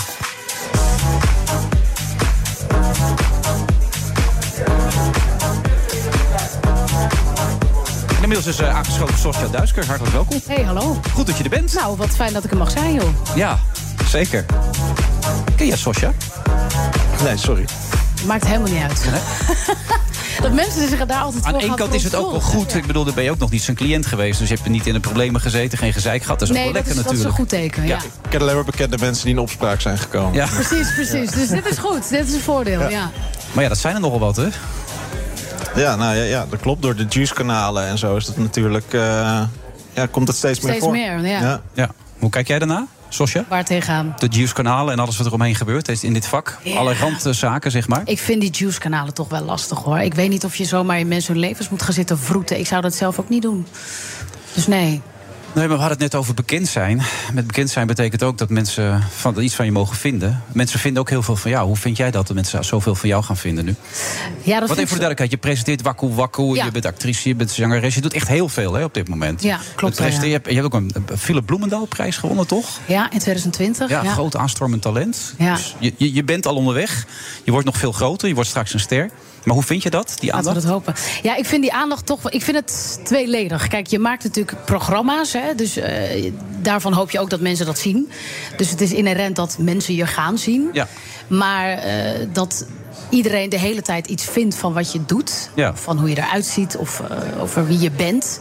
Dat vind ik toch wel ingewikkeld. En dat vind ik misschien ook wel iets anders. Ja, dan word je een slap frietje genoemd als je bij de slimste mens zit. Ja, ja. of en Angela Jong eerste heeft over het feit dat jij twintig cappuccino's hebt gedronken... en dat je staat te stuiteren in het decor. Oh, dat heb ik nog niet eens gelezen. Ja, dat zoek ik even voor je op. Die had ik hier namelijk Ja, dat is goed. Ja.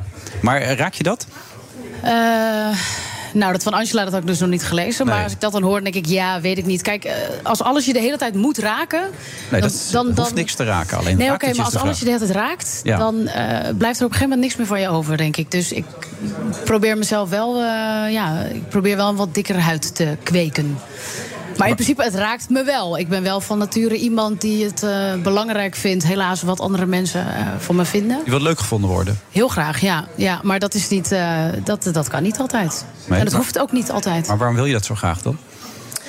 Ehm, ik denk dat dat, dat is een goede vraag, een diepe vraag ook. Het- Ja, ik denk dat het programma? Ja, dat is ook zo. Dat is ook zo. Lekker Ja. zielen knijpen. Ja, ehm, eh, ja, ik denk dat dat toch wel vanuit mijn jeugd komt. Ik was de derde in het gezin van drie, dus de jongste. En eh, toch ook wel moeten vechten voor een plekje. Dus eh, ik ging spreekwoordelijk jong leren om te zorgen dat ik gezien werd. En ik denk dat dat er nog steeds wel een beetje in zit. Ja, je moeder overleed ook op vrij jonge leeftijd natuurlijk. Dat speelde misschien ook nog een rol daarin. Ja. Dat je ook nog een extra rol kreeg door misschien, toch? Of... Ja, extra rol weet ik niet, maar ik was wel daardoor nog meer zoekende. Dat wel, ja. Maar je wilt aardig gevonden worden. Maar uiteindelijk doe je dit werk toch vooral omdat je het leuk vindt, mag ik hopen. Dat is het zeker. Dat Ja. is de voornaamste reden. Want wat, wat maakt dit vak leuk dan? Presenteren, zingen. Wat, wat maakt het leuk dan? Hmm. Ik heb altijd, ook als kind zijnde, altijd het, eh, de drang gehad om verhalen te vertellen. Eh, dat heb ik altijd heel leuk gevonden. Eh, vroeger was ik al boekjes aan het schrijven, zelfverzonnen verhalen aan elkaar aan het knopen. Dus dat heeft er altijd wel in gezeten. dus weer met het verhaal net van net om gezien te worden. Dat mensen naar je luisterden. Ja, maar ik vind het ook ehm, fijn om iets te kunnen betekenen voor een ander. Dus ook eh, maatschappelijk geëngageerd. Ehm, ja, impact maken. Impact ook maken. belangrijk, ja. En dat doe je met Waku Waku. Eh, nou, dat weet ik niet. Eh, dat hoop ik. Ik weet het niet. Ja. Maar ehm, nou ja, bijvoorbeeld met zo'n eh Philip Bloemendaalprijs wel. Ja, de reden dat ik die prijs überhaupt won... was omdat ik een video had gemaakt... wat eigenlijk een, een betoog was... waarom Zwarte Piet als racistisch wordt ervaren. Ehm, en die video heeft het ongelooflijk goed gedaan. Ehm, ja, en dat was, daardoor merkte ik van... oké, ik vind het dus fijn om eh, iets te kunnen betekenen. In dit geval binnen het racisme-debat. Om daarbij eh, mijn steentje Want je te bent nu toch ook met bijdragen. iets bezig... wat groot impact zou moeten krijgen? Met een soort documentaire? Ja, nou, ik moet wel daarbij zeggen dat ik heel voorbarig bezig ben. Want dit moet Oh. überhaupt nog gepist worden eh, bij de NPO. Maar we zitten wel in de brainstormfase. Ik wil een eigen docuserie gaan maken eh, met racisme als thematiek. Want daar heb je veel mee te maken gehad, hè? vertel je ook in alle interviews. Ja, Ja, nou ja, vroeger wel. Ehm, en nu wordt het, ja, krijgt het een soort.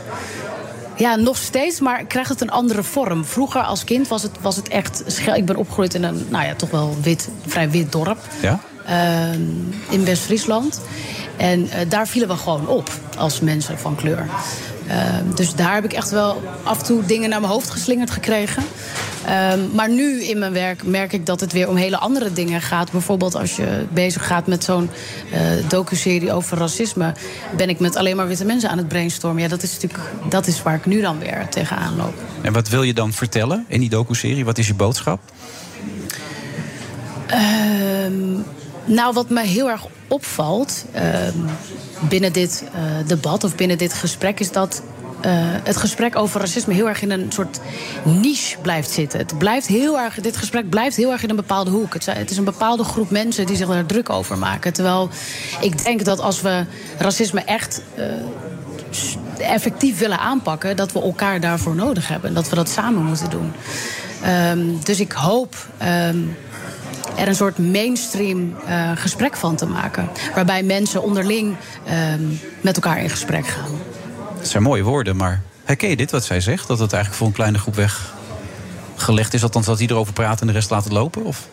Nou, ik vind soms wel. eh, lastig. Eh, kijk, wat ik... Gebeurt iets met je? Nou, kijk, om, om even een voorbeeld bij het Zwarte Piet-discussie. van, kijk, in het begin werden de mensen die daar een punt van maakten... een beetje weggezet als surkousen. Ja. En noem maar op. Hè. En, en dat zijn mensen ook wel inderdaad. Die hebben, daar hebben eh, gedemonstreerd en noem maar op. En daar was iedereen eerst heel verontwaardigd over. Ja, Black Lives Dat Matter, dat- we hebben het hier op de Dam meegemaakt dat, natuurlijk allemaal. Dat, gebeurde. En na een tijdje zijn, is toch door die demonstraties... doordat mensen daarover bleven zeuren... Hè, zeg maar even te- tussen aanhalingstekens... Zijn toch, is, denk toch wel dat het omslagpunt heeft plaatsgevonden. Een heleboel mensen zeggen... nou ja, misschien hebben ze ook wel een punt Ja.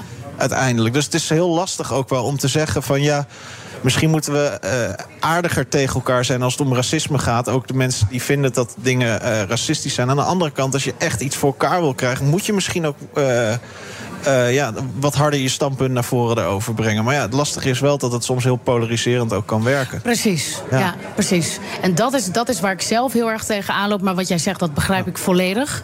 Eh, waar ik zelf heel erg tegen aanloop, is dat het, het, wordt, het wordt vrij snel hard. Ehm, en ik merk dat ik zelf.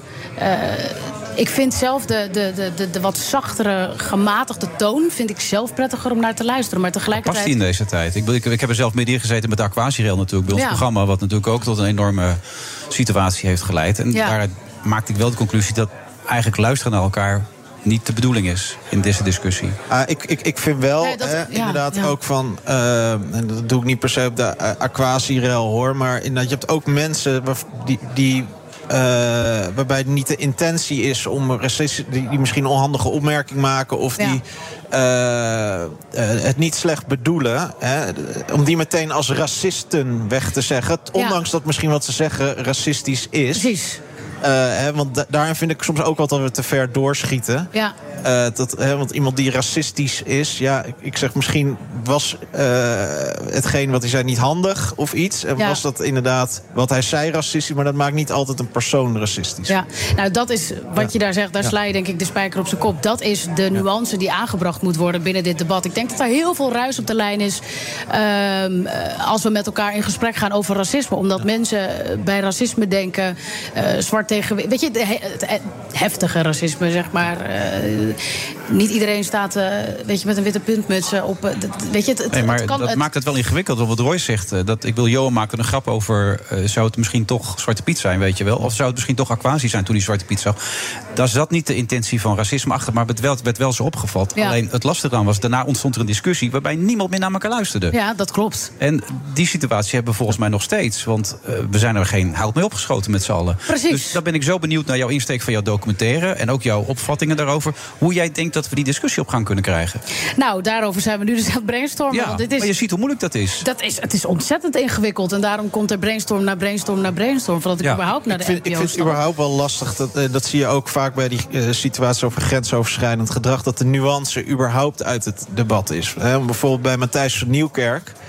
Ehm, hè, bij wijze van spreken mag niemand meer bij BNN Vara zeggen ook dat er leuke dingen ook gebeurden bij, eh toch een bij de geweldig Wereld programma? Het was een geweldig programma. Het was een fantastisch programma. En, Ja. en tuurlijk zijn daar vreselijke dingen eh, gebeurd. Maar in de discussie daarover mag je bijna niet meer zeggen ook van... eh, hè, van nou, we hebben ook hele, ze hebben ook hele mooie dingen gemaakt. Want mensen hebben daar ook een fijne tijd gehad. Ja. Hè, want dan eh, word je eigenlijk al bijna terecht geweest. En ik vind het soms jammer dat je die nuance in de discussie... soms bijna niet meer mag brengen. Nuance bestaat niet meer. Ik heb eh, gisteren een interview gemaakt, een afscheidsinterview met Gert-Jan Segers.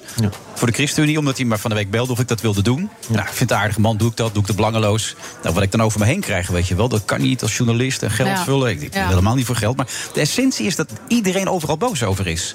Dat, dat verbaast me Ja. zo verschrikkelijk. Ja. Ja. En toch weet ik ook van jou dat jij over een jaar of vijf, zes, zeven ook een talkshow wil gaan presenteren. Ja. Wat ga je anders doen? zes, zeven weet ik niet hoor. Nee? Dat is te vroeg? Ja, dat misschien wel. Ja. Over een 10, 12 jaar? Ja. Wat ga je anders doen? Hoe zou je het anders aanpakken? Wat ga ik anders aanpakken? Nou, ik, ik ben niet een echte nieuwsjunk. Ik zou graag willen dat het wel zo was, maar dat is gewoon niet zo. Eh, ik heb selecte eh, interesses, ben ik achtergekomen. Dus ik verwacht niet dat het eh, de klassieke talkshowtafel Nee, dat gaat denk ik worden dan met ook niet. Nee. actualiteiten. Ja. Ehm, Gewoon specifieke onderwerpen. Ja. Ja. Ja, En en, dat denk misschien ik ook aan- wel een één op één gesprek. Ik weet het niet. Ik vind mensen gewoon bijster interessant. Wat drijft hen? Wat, wat maakt dat ze zich gedragen zoals ze zich gedragen? Eh, waarom doen ze wat ze doen? Ehm, ja, dat. Misschien cultuur, muziek. Dat. Oké. Daar moet er even over gebrainstormd worden, hoor Daar ik moet wel. ook even over het gebrainstormd zo worden. inderdaad. Ja, ik weet het toch Maar ook misschien kun je iets met, met een project maken met, met Royce. Nou ja, wie weet, Royce. Ja, nou, dat is al een idee, eh, Wilfred. Precies, Een ja. project over racisme met humor en met een beetje cultuur en muziek en nuance erin. Exact. Ja, en dat Ja. je naar elkaar luistert. Want dat vind je wel 2023 een beetje liever voor elkaar, hè? Toch? Ja, dat vind ik wel, ja. Ja, heel graag. Gaat dat lukken? Eh, wat mij betreft wel. Ja. Wat Ja. jou betreft ook, Royce? Ja, beetje liever voor elkaar? Ja, zeker. Wat mij betreft ook, hoor. Ik bedoel, ik ben ervoor. Ik ben sowieso altijd van de, de liefde en de warmte. En Ja. Tegen Nou, aan ons ligt het dan niet, toch? Nee, nou, hebben we het bij deze opgelost? Check. Ja. Bij vandaag in site stook je even een uurtje, toch? Of, eh, Ja, ik moet daar toch de, ga- de zaak op gang houden. Ja, anders nee, werkt het programma daarom. niet. Maar dat is even een uurtje per dag. Dan zal ik dat gewoon een, zal ik een paar uitzendingen niks doen. Gewoon zeggen, nou Johan, het is mooi weer buiten. Zeg het maar. Ja, ja nou ja, een beetje Jack van Jack van Gelder. Gelder, ja. Jack van Gelder. Oké Johan, zeg het maar. Ga ik dat een keer doen. Eens kijken hoe het programma dan loopt. Is dat wat voor jou, zo'n programma, Sosja? Ja, allicht. Nee, het mag wel een klein beetje, het mag wel een beetje de diepte in hoor. Dat vind ik wel. Mag wel een beetje de diepte in. Ja. Dus als je als Johan Derksen dit zegt hoort, dan wordt hij woest. Oh jee, wat Die vindt nou namelijk weer dat hij de gezegd? hele uitzending de diepte in gaat namelijk. Oh. Dus eh, ja. Nou, dat heb ik dat, eh, niet gezegd. Nee? Oké. Goed dat je er was. Je kan eigenlijk van je cocktail gaan drinken. Ik wou net zeggen, alcoholvrij hè, Dry January. Oké, zet hem op hè. Dankjewel hè. En zo meteen Bernard Hammelburg.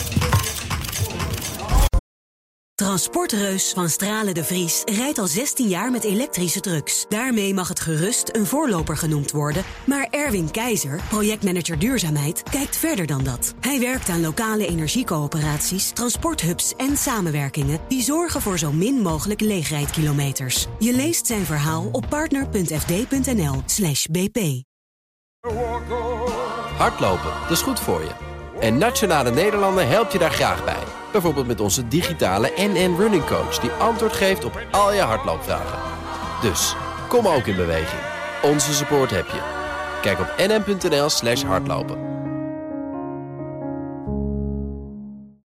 De Friday Move wordt mede mogelijk gemaakt door TUI en Otto Workforce. We take care of our people. BNR Nieuwsradio. People know I take classified uh, documents and classified information seriously. In beide geval gaat het nu om een tiental documenten. But I don't know what's in the documents. Gert-Jan Zegers weg bij de ChristenUnie. Ja, eindelijk tijd voor de diepgang, want hij zit er. Bernard Hammelburg, ja!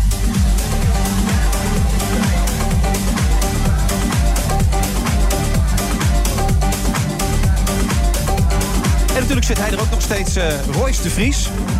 Heb je nog veel aan hem gedacht in die 10 minuten die nu voorbij zijn gegaan? Of eh, is hij nu even ver weg? Nee, nou, de afgelopen 10 minuten even niet misschien. Nee, Maar, eh, kan ook gebeuren Ja. natuurlijk allemaal. Hoe ervaar je zoiets als dit? Zou je dit eigenlijk willen doen? Talkshow presenteren of een radioprogramma Nou, dat is presenteren? nu zo ver van mijn bedshow. Dat, eh, nee, nou, dat zie ik van je voor- bedshow? Hoezo? Nou ja, dat zie ik voorlo- voorlopig niet gebeuren. Ik ben er wel eens te gast. Dat, nou ja, als het inderdaad over mijn vader gaat... of als het over een zaak gaat die ik doe. Ja. Dus, Wat is de eh, laatste zaak die je hebt gedaan eigenlijk? Of die wij een beetje hebben gevolgd? Was het Danny de Bunk? Of, of... Ja, ja. Ja, ja, ik ben nu de hele tijd met eh, een heleboel zaken bezig natuurlijk. Maar die echt in de media is gekomen. eh, ja. Ja. Raak je dan ook betrokken, persoonlijk betrokken bij mensen waarmee je werkt? Of probeer je afstand te houden? Tuurlijk, je moet altijd wel een bepaalde vorm van eh, distantie bewaren als advocaat. Maar ik vind ook juist dat je betrokkenheid moet tonen. En ik neem inderdaad ook mijn werk wel eens mee naar huis. Eh, het, dat je, het is niet zo dat ik kantoor uitloop en dan zeg van nou, hup... eh, Gedachten op nul en eh, nu even niet aan werk denken. Nee, dat is iets wat, wat doorgaat. Ook omdat je betrokken bent bij je cliënten. En dat het soms heel heftig is wat ze, wat ze overkomen. Ja, kan ik me heel goed voorstellen. Het zijn Ja. heftige dingen de laatste tijd die we Zeker. meemaken met z'n allen. Ja. Eh, even één ding om uit de wereld te helpen. Johan roept altijd bij ons in de uitzending dat jullie als familie het dooderg gaan aan de ex-partner van, van Peter. Tabina, is dat zo? Ehm, nee, nou, nee ik, ik, ga, ik ga daar niet hier eh, uitspraken over doen. eh, over eh, de banden die we hebben met. Oké. Nee, goed, ik denk misschien kan ik het even uit de wereld helpen... omdat Johan het elke uitzending zo'n beetje roept als hij ter sprake komt. nee, ik, ik, ik, ik heb haar boek gelezen en ik heb het aan de uitgever gezegd wat, wat ik daarvan vond. En eh, daar laat ik het bij. Oké, nou ja, dat is tactisch genoeg dit, toch? Daar heeft een goed verstaander meer dan voldoende aan. Jouw woorden. Toch? Zeker. Bernard Handelburg? Zeker. En een zoon van zijn vader en een goede advocaat, dat hoor ik meteen. Ja? Dat zie je meteen, hè? Met jouw Ja. levenservaring natuurlijk ook. Nee, ik, ja, ik hoor het dat duidelijk in terug. Dus. Ja. En je hebt groot gelijk. Hoe vaak denk jij nog aan Peter? Nou, niet, ik had natuurlijk niet zo'n. eh, we waren niet bevriend, we kenden elkaar wel. En we mailden wel eens en we kwamen elkaar tegen en dan even bijlullen. Maar het was niet een vriend. En het zou zeer heel pretentieus zijn om dat ook te zeggen. Ja. Eh, ik denk wel eens aan hem, om, om alle mogelijke andere redenen. Maar vooral omdat er zoveel eh, zaken zijn waarvan de derivaten nu nog steeds doorlopen. En ook in het nieuws. Dus de naam blijft terugkomen. Eh, en Maar er zijn ook zo vaak momenten dat je denkt... was hij er nog maar? Had hij nu... Oh ja. had, had hij er wat aan gedaan. Ben oh, ja, oh ja, zeker, Dat zeker, zeker. zeker. Ja. Wat was natuurlijk niet, niet. We hadden echt een, een maatschappelijke rol. Eh, in de Nederlandse samenleving. En dat gebeurt niet zoveel mensen. Niet, niet journalisten en eerlijk gezegd ook niet. eh, Ja, maar ju- meer de juristen. gouden tip. Een miljoen eh, bedrag uitgeloofd om eventueel tips voor Tanje Groen. Helaas, tot op heden nog niet. Ja, maar er zijn wel een heleboel andere cold cases waarvoor nu een beloning wordt uitgelopen. Waar veel tips voor binnenkomen. Oké. Door die beloning ook. En die worden nu allemaal uitgerechercheerd. Dus, eh, Dat is wel mooi, hè? Dat, is zeker op mooi. die manier doorleeft. Ja, ja. zeker. We eh, eh, worden vaak benaderd voor, voor, met verzoeken. Mensen die iets willen eh, en noem maar op. En daar kunnen we niet alles van oppakken. Daar willen we ook niet alle, alles van oppakken. Maar van een paar dingen denken we van... nou, dat vinden we hele mooie projecten. En daar willen we onze tijd, moeite en energie... naast het werk wat we al hebben, graag insteken. Ja, wat hoeveel uur per week werk jij wel niet dan? Nou, ik werk standaard wel. Ik zit negen uur al sowieso per dag op kantoor, denk ik. En ja, daaromheen eh, stopt het vaak ook niet. Dus- Ik ben net je vader, hè, wat dat betreft. Maar hij slaagde er toch in om een goede vader te zijn, zeg je dan altijd. Ja, Dus dat is- zeker. Dat is, Nou, heel vind ik ook wel belangrijk. Ik zorg ook inderdaad wel e- echt voor je. Ja, vanavond lukt dat eh, iets minder. Maar dat ik wel met eten eh, thuis ben en noem maar op. En dan klap ik daarna maar weer even mijn laptop open. En eh, nou, dat is denk ik hoe mijn vader dat ook deed. Ja. Hoe doe jij dat eh, trouwens, Bernard? Hoe Nee, deed ben, je dat? ik ben vreselijk wat dat betreft. Ja? Ja. Ben je echt zo erg? Ja. Je werkt maar door. Ja. Ja. Ja, nu heb ik natuurlijk, eh, behalve als ik mijn kleindochters over de vloer heb, ook alleen nog maar eh, mijn vrouw. Die weet niet beter na al die jaren. En te- ik, ik zonder me niet af, hè. Dus ik werk altijd s'avonds. Eigenlijk nooit niet. Maar Nooit de, deur- nee, nooit niet. De deuren staan open, dus we kunnen elkaar zien. En, Oké, dat is warm. En, en dan kunnen ze zeggen van, dat is liefde. wil je een kop thee? Dan gaan we even een kopje thee voor elkaar maken. Ja. Dat, dus, maar wat doet zij dan op dat moment? Zit zij naar de goede tijden, slechte tijden te kijken? Of Nee, zit ze ook wat te doen? Ze leest heel veel. Oké. Eh, ze kijkt ontzettend veel naar de BBC. Ze heeft iets met de BBC. En ze kijkt naar Netflix. En ze leest. eh, we hebben een aantal kranten die ze allemaal leest. Ehm, en ze onderhoudt allerlei sociale contacten. Wat ik niet doe. Dat doet Nee, zij. je hebt geen vrienden. Nee. Nee. Net als Saddam Hussein. Alleen maar kennissen en vijanden. Oké. Ja. Maar het is ook alweer tekenend. Op leeftijd, mannen die door willen gaan. Eh, je hebt nergens verborgen papieren overal liggen, toch? Die bij jou zijn allemaal gewoon wel redelijk bekend. Ehm, dat denk ik wel. Ik heb een hoop rotzooi, maar ik, ik heb nooit iets bewust eh, verborgen of mee. Dit, het punt is, ik heb nooit, eh, in, ben nooit in de. Ik, ik heb geen papieren thuis liggen van, laten we zeggen, BNR. Nee. zo. Die heb Nee, ik niet. Met alle salarissen en zo. dat- Nee, nee of, maar nee. wat voor informatie dan ook. We Ja. weten helemaal niet om wat voor informatie dit gaat. Ik Hoewel, voor de duidelijkheid, Biden heeft overal papieren liggen. ja, nou, in elk geval, er, er, lagen, er lagen er dus tien of misschien elf in een kantoor van een eh, lobbyist. Want na het einde van zijn vicepresidentschap had Ja, hij daar. Barack Obama, ja. Had hij, ja, had hij daar een kantoortje. Ehm, en misschien te leen, of misschien werkte hij ook wel voor die lobbyisten, dat weet ik niet precies. Maar daar hebben ze dus zijn eigen advocaten hebben toen ze dat leeg haalden gevonden. En daarna, dat was dus het, nu eh, het nieuws, is er nog een stapeltje gevonden in zijn garage, gewoon thuis. Ja. Toch verhalen. Ja. Heb je het over de president van Amerika? De president van Amerika, ja. Ja. Dus het is een idioot verhaal. Moest Eh, ze in de grond stoppen in de tuin of zo? Of, eh, Nou, kijk, het punt is. Eh, eh, we weten niet waar ze over gaan. Hoewel er zijn Nee. allerlei geruchten dat het gaat over Irak en misschien over Iran. En wat mij wel intrigeert, ook het woord Oekraïne is een aantal keer genoemd. En dat is daarom interessant, omdat de Republikeinen, die Oh, nu de meerderheid, van hem natuurlijk. Ja, Ja. meerderheid in het Huis van Afgevaardigden hebben, die willen heel groots uitpakken met een onderzoek naar Hunter Biden, zijn zoon, en diens ongetwijfeld corrupte relatie met Oekraïne. Want Ja. hij werkte voor een oliebedrijf tegen een krankzinnig salaris. En volgens mij deed hij daar nauwelijks iets voor. Nee, hij staat En- wel aan de kook, toch? Eh, En met ja, vrouwen. Ja, en, en, en, eh, de, en de, het feit dat hij die baan waarschijnlijk had gekregen... uit de vorm van nepotisme, omdat hij de zoon was van... Eh, maar dat moet je wel bewijzen. En dan moet je ook kijken of Biden zelf een rol erin heeft gespeeld. Enfin, dat loopt dan de hele tijd. Hmm. Maar als je hoort eh, ge- geheime documenten en het woord Oekraïne... dan is de associatie die ik dan in mijn hoofd maak... het zou best daar over kunnen gaan. Is dat echt zo? Ik weet het echt niet. Eh, de, de minister van Justitie, Garland, heeft iets heel slims gedaan. Die heeft zowel in de zaak Trump... als nu ook in de zaak Biden... een onafhankelijke aanklager benoemd. Dat is dus iemand die helemaal buiten het systeem eh, werkt... en een, een, eh, de opdracht krijgt om te onderzoeken wat hij maar wil... en hoe hij het maar wil. En allebei republikeinen, allebei die, dat zijn allebei mensen uit de, dus, eh, uit- uit- met een rechtbankachtergrond. Maar het zijn allebei mensen die door Trump zijn voorgedragen en dus benoemd. En dat, heeft, dat heeft die minister Garland naar mijn idee heel slim gedaan.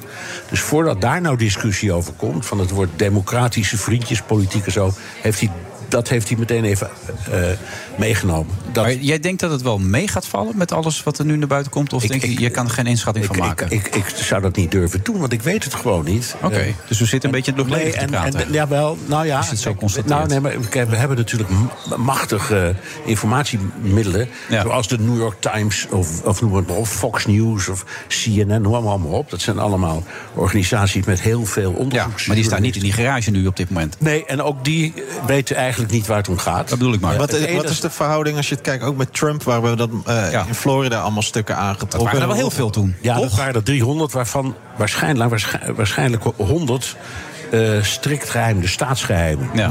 Als je die in je bezit hebt, ben je strafbaar. Dat is gewoon, er staat er is een wet voor. En dat is een heel klein beetje vergelijkbaar met hoogverraad. Daar lijkt het een beetje op, maar dat mag dus niet. En nu wordt onderzocht of dat echt zo is, hoe ze daar kwamen. Net, dus net zoals bij eh, Biden. Bij Biden weten we eenvoudig niet of daar ook echt staatsgeheimen bij waren.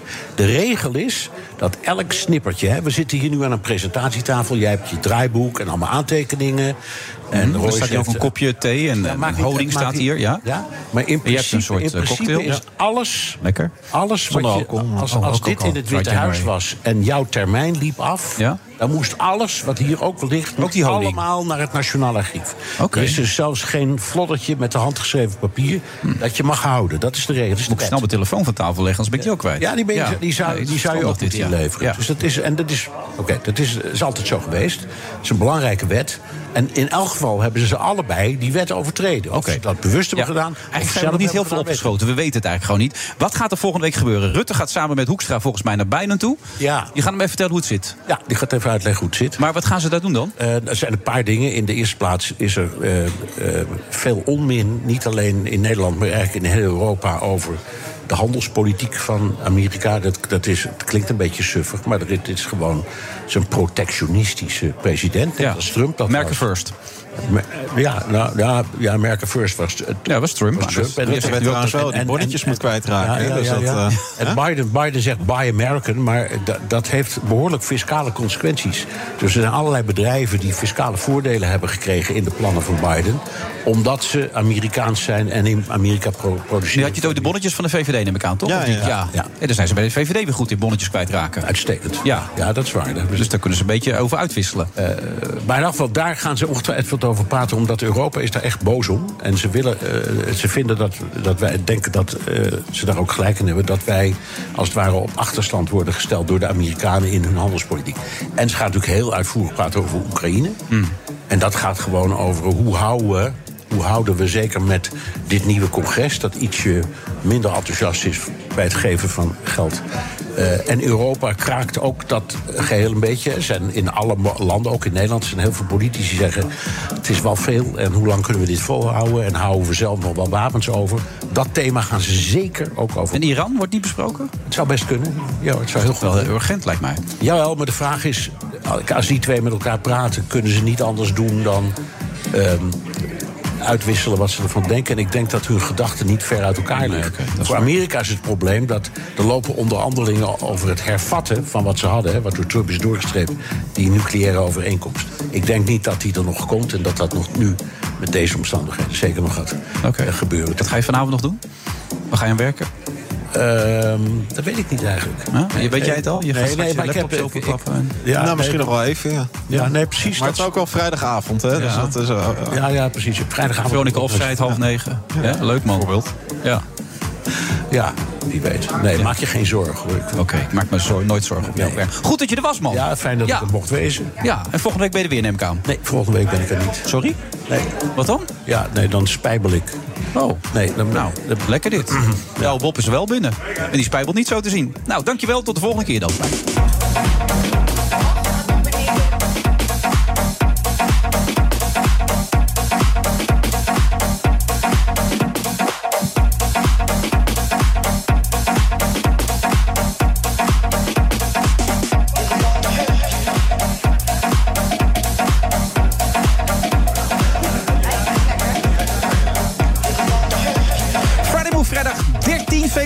We zitten eh, op dit moment in de Sky Lounge, Doubletree bij Hilton Hotel.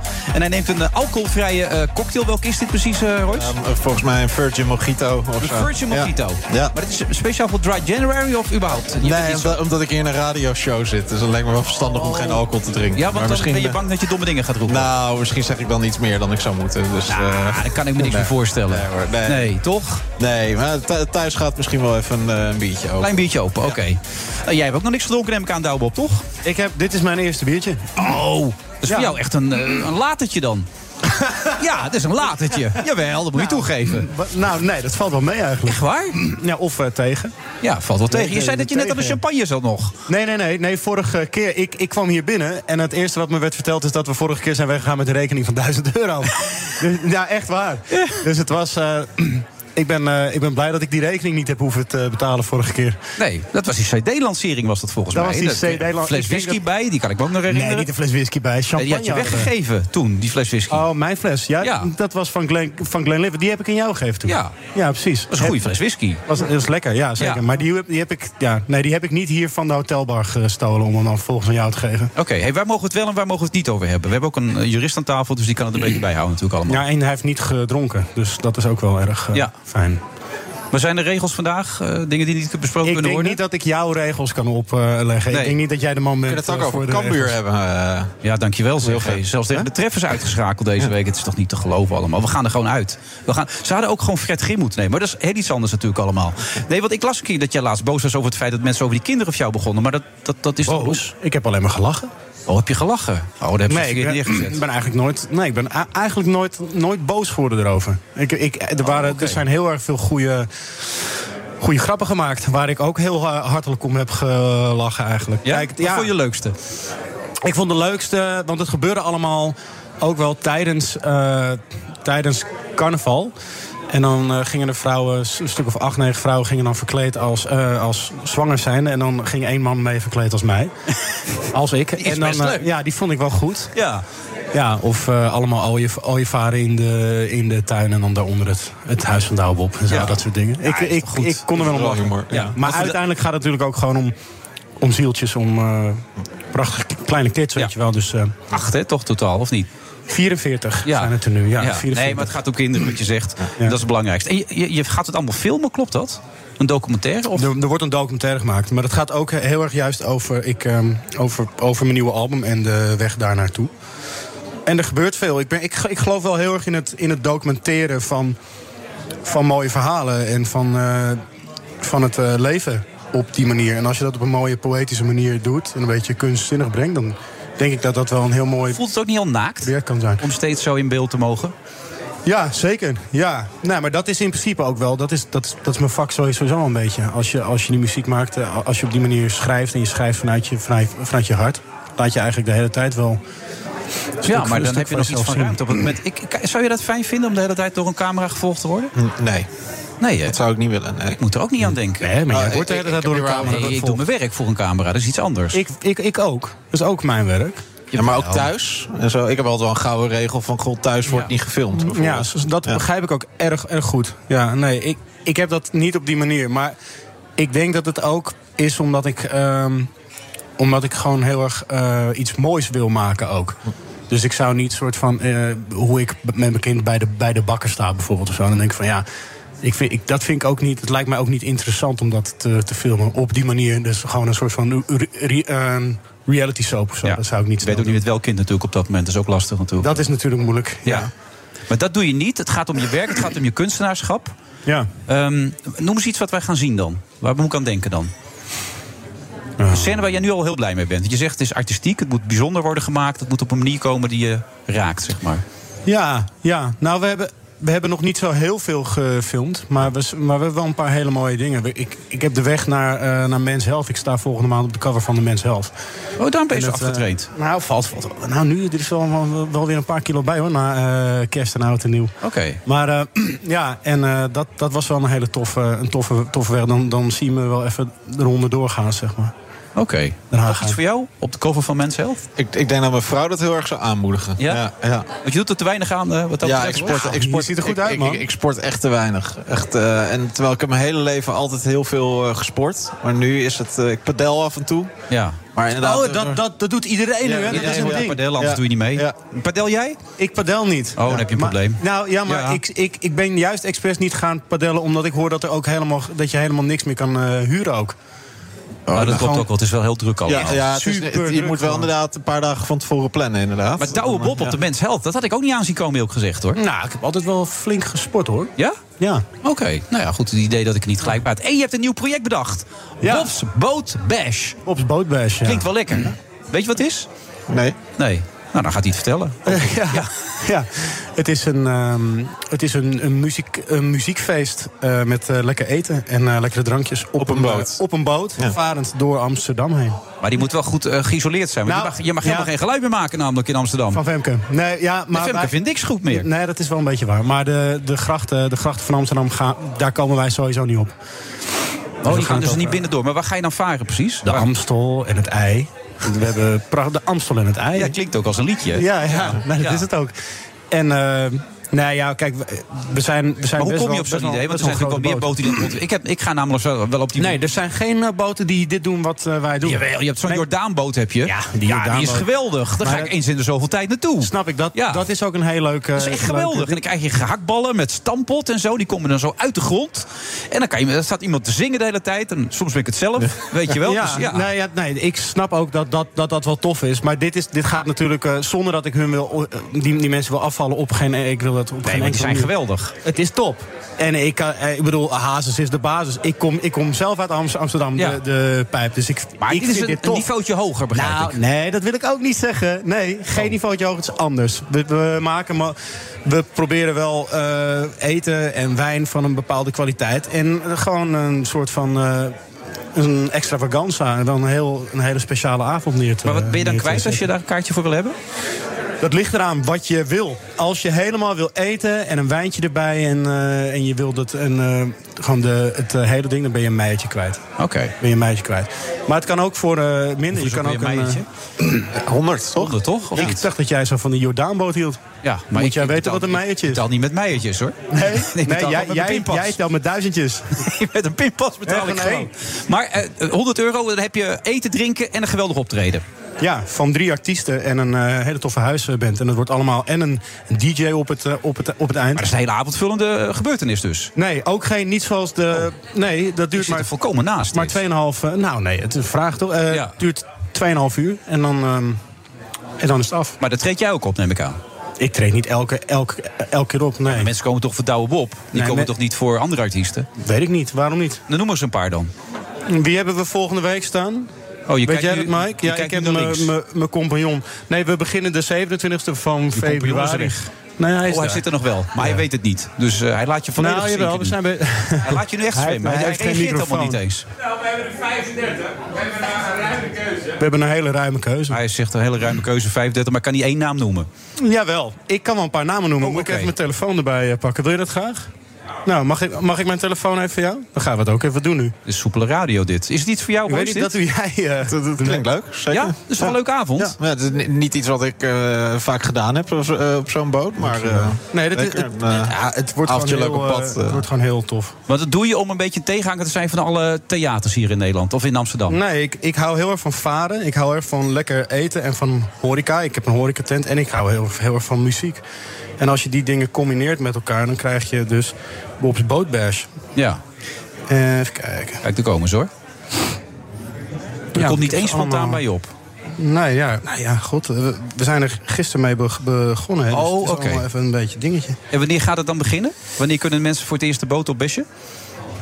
Eh, 27 februari eh, is de eerste. En daarna gaan we elke vrijdag en zaterdag gaan we er, eh, gaan we er lekker mee, eh, mee, mee knallen gewoon. Oké, tot aan de zomer.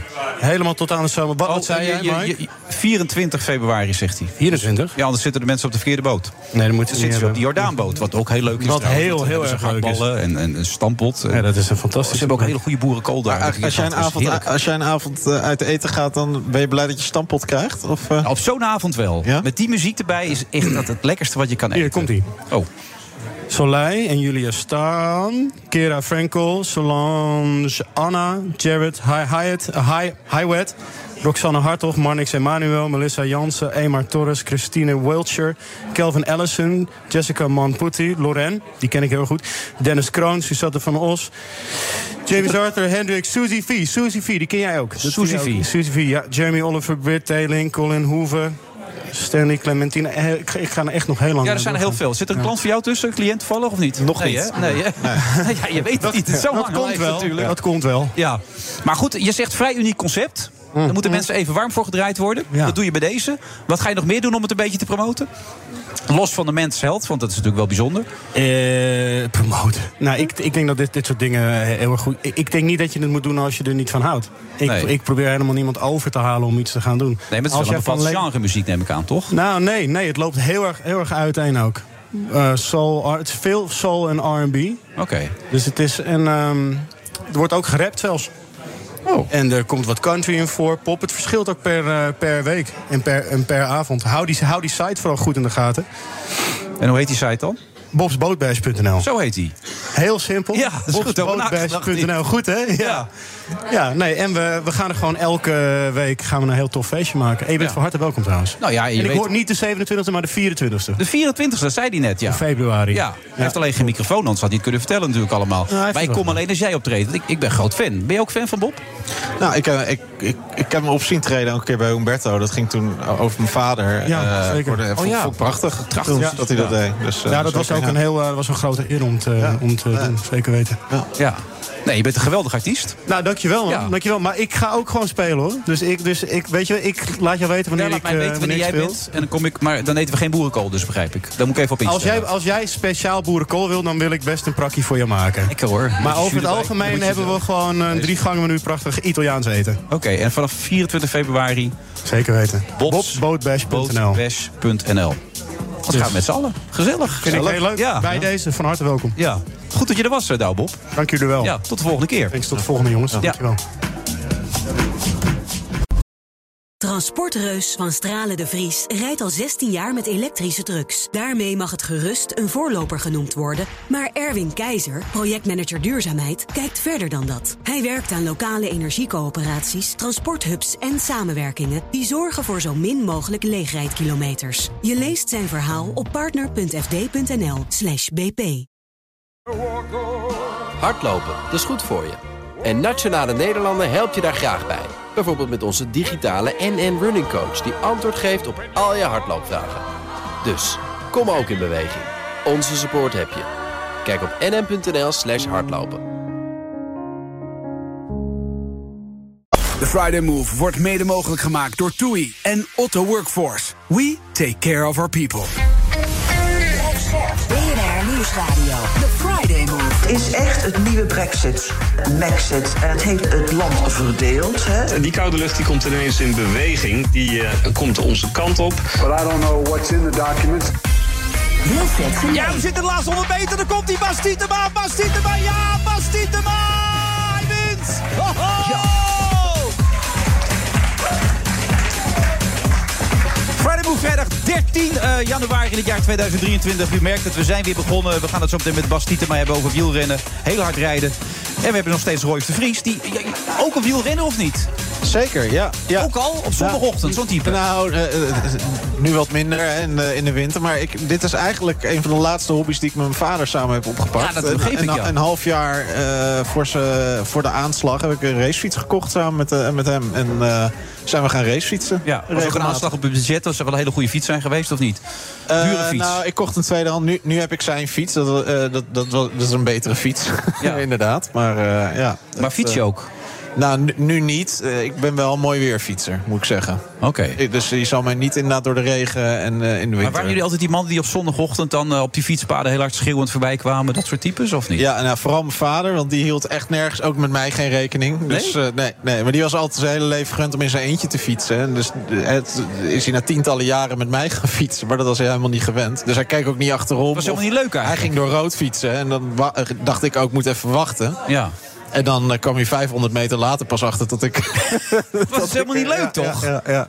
Nou, eh, ik vond het uiteindelijk wel eh, leuk en gezellig, zeker. Ja. Maar je, je sprak niet met elkaar, hij lette niet op je, hij liet je steeds achter. Nou, ik kletste ook wel een beetje onderweg en zo. Maar ik merkte gewoon wel dat hij gewend was om alleen te fietsen, vooral eigenlijk. Nou ja, En, eigenlijk was hij überhaupt wel gewend om alles alleen te doen, toch? Als je een beetje erover nadenkt. Hij werkte wel met een team, maar hij was een enorme Einzelganger op een bepaalde manier, toch? Zeker, ja. Ja, ja klopt. ja. Ik vertelde je net een anekdote jij niet kende... dat hij ooit tegen mij had gezegd dat hij samen met mij een programma wilde gaan maken.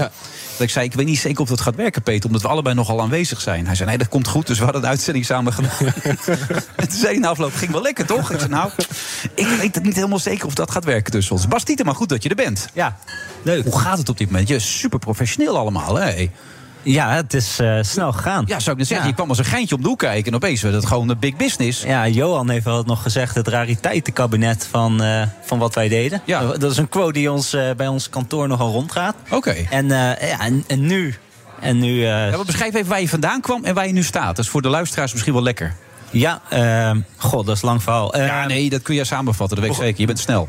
Begonnen op de fiets, passie voor het wielrennen. eh, bij de jeugdcategorie hoog gekomen. Uiteindelijk niet topsport gehaald in de zin van de doorbraak gemaakt met de leeftijdscategorie met Mathieu.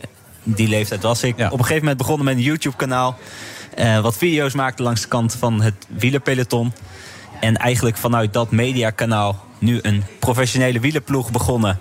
Met een heel team eromheen. En eigenlijk vanuit de basis, vanuit media. Nou, een beetje zoals eh, ja, Red Bull. Dat, Red Bull is wel een goed voorbeeld met de Red Bull Mediahuisgroep. En dan nu een wielerploeg starten om zo hoog mogelijk in het wielrennen te komen. Ja, En dat is wel de ambitie voor de duidelijkheid. Er zitten ook wel mensen bij die kunnen rijden, toch? Ja, ja we hebben, Ja, dat we hebben daadwerkelijk een, een, goed team, denk ik. Ja. En daar zit jij ook in? Nog wel, ja. Je lacht er zelf om. Ja, dat elastiek of... eh? Nee, maar mijn functie is natuurlijk best wel raar. Want ik zet een ploeg op. Vervolgens stel ik iemand aan om die ploeg te leiden. En ik ben zelf ook actief als wielrenner nog in die ploeg. Dus dat is best wel een, een bijzondere hoe zou jij je rol willen? Wat is jouw functie dan? Officieel op papier, wat staat op je kaartje? Ehm, wielrenner nu. Wielrenner. Ja. ja. Maar uiteindelijk ook oprichter eh, van, van de wielerploeg. Ja. Dus ja, het is een dubbele functie. Maar ik ben wel heel bewust van mijn rol. Dat ik de Tour ga rijden of een groot monument gaat winnen. Dat, dat gaat niet lukken. Maar mijn persoonlijke ambitie en succes zit ook als het project slaagt. Dus... eh, En daar verdien je ook nog wat aan, neem ik aan. En toch? daar verdien ik ook nee, nog zou wat ik aan. net zeggen. ja. Als je al die tijd alles voor niks hebt lopen doen... is ook een beetje lullig natuurlijk. Ja, dat, dat is lullig. Ja. Maar in het wielrennen is nog wel eens een keer... je moet wel, als je het dan hebt over geld... vaak stopt een wielerploeg op het hoogtepunt... omdat dan een sponsor... Ja, Ja. het is niet echt een, eh, een geweldig verdienmodel. hoor. Dan zou ik niet in het wielrennen stappen. Oké, want welk, wie zijn jouw sponsors? Je kan het hier gewoon roepen, jongens. Ja, kan ik gewoon we hebben trouwens ook een nieuwe sponsor. Had je dat gezien? Otto, Wor- Otto Workforce Oh. is erbij gekomen. We hadden Toei al. Dat was echt dat is een geweldige sponsor. Maar ik zie nu ook Otto Workforce overal staan. Had ik het mogen zeggen eigenlijk? Ja, hè? Ja, iedereen Geweldige ja. reis, Ja. hè? Hoe heet die voor jou dan? Eh ja, eh, Cannondale, fiets. Cannondale, Oh, ik weet bekend. niet. Je vader ligt volgens mij op een Specialized. Klopt. Ja. Hoe weet jij dat nou? Hij was groot ambassadeur van de, de Specialized. Een zwarte. Klopt. En dat is de enige sponsor? Of heb je er nog meer Cannondale? Cannondale, eh, Unibet. eh, ja, sportorganisatie zonder een goksponsor is tegenwoordig geen sportorganisatie Nee, meer. tv-programma ook niet. Eh, Shimano, fietsonderdelen, Garmin. Veel fietsgerelateerde sponsoren. Dat zijn de best grote namen, zijn dit ook. Skoda's rijden we. Ja. Oké, en een uh, goede ploegleider? Ehm, ja, Rob Harmeling. Ja, die ken ik nog. Die staat vaak mij aan tv. eh, al- al- Als het ging over de Tour de Jour en zo, dat soort zaken. Rob. Ja, Rob is een... eh, maar hij gaat nu voor het eerst ploegleider worden in zijn leven. Oké. Hij is nu... eh, goh, ik zou het niet eens durven te zeggen. Ik denk dat hij in de 50 is. Nee, 70. nee, zonder gekheid. Hij ik is in de denk ergens 50. in de 50, Nee, maar hij gaat nu voor het 50, eerst ja. ploegleider worden. Ja. En degene die het alles in goede banen moet leiden is Hugo Haak. Hugo? Hugo. Ja. Olympisch trainer van de baanploeg geweest. Sportcoach van het jaar. Dus ja... En noem maar één goede renner waarvan je zegt, daar verwachten we veel van. Een goede renner. Dan zeg ik eh Hartijs de Vries. Oké. En dan zeg jij, heb je geen idee. Nee, maar exact. wat, wat is hij goed in? Is, is het een sprinter? Is het een klimmer? Wat is het? Eh, nee, het is een, eh, iemand voor de Nederlandse wedstrijden, hardrijder.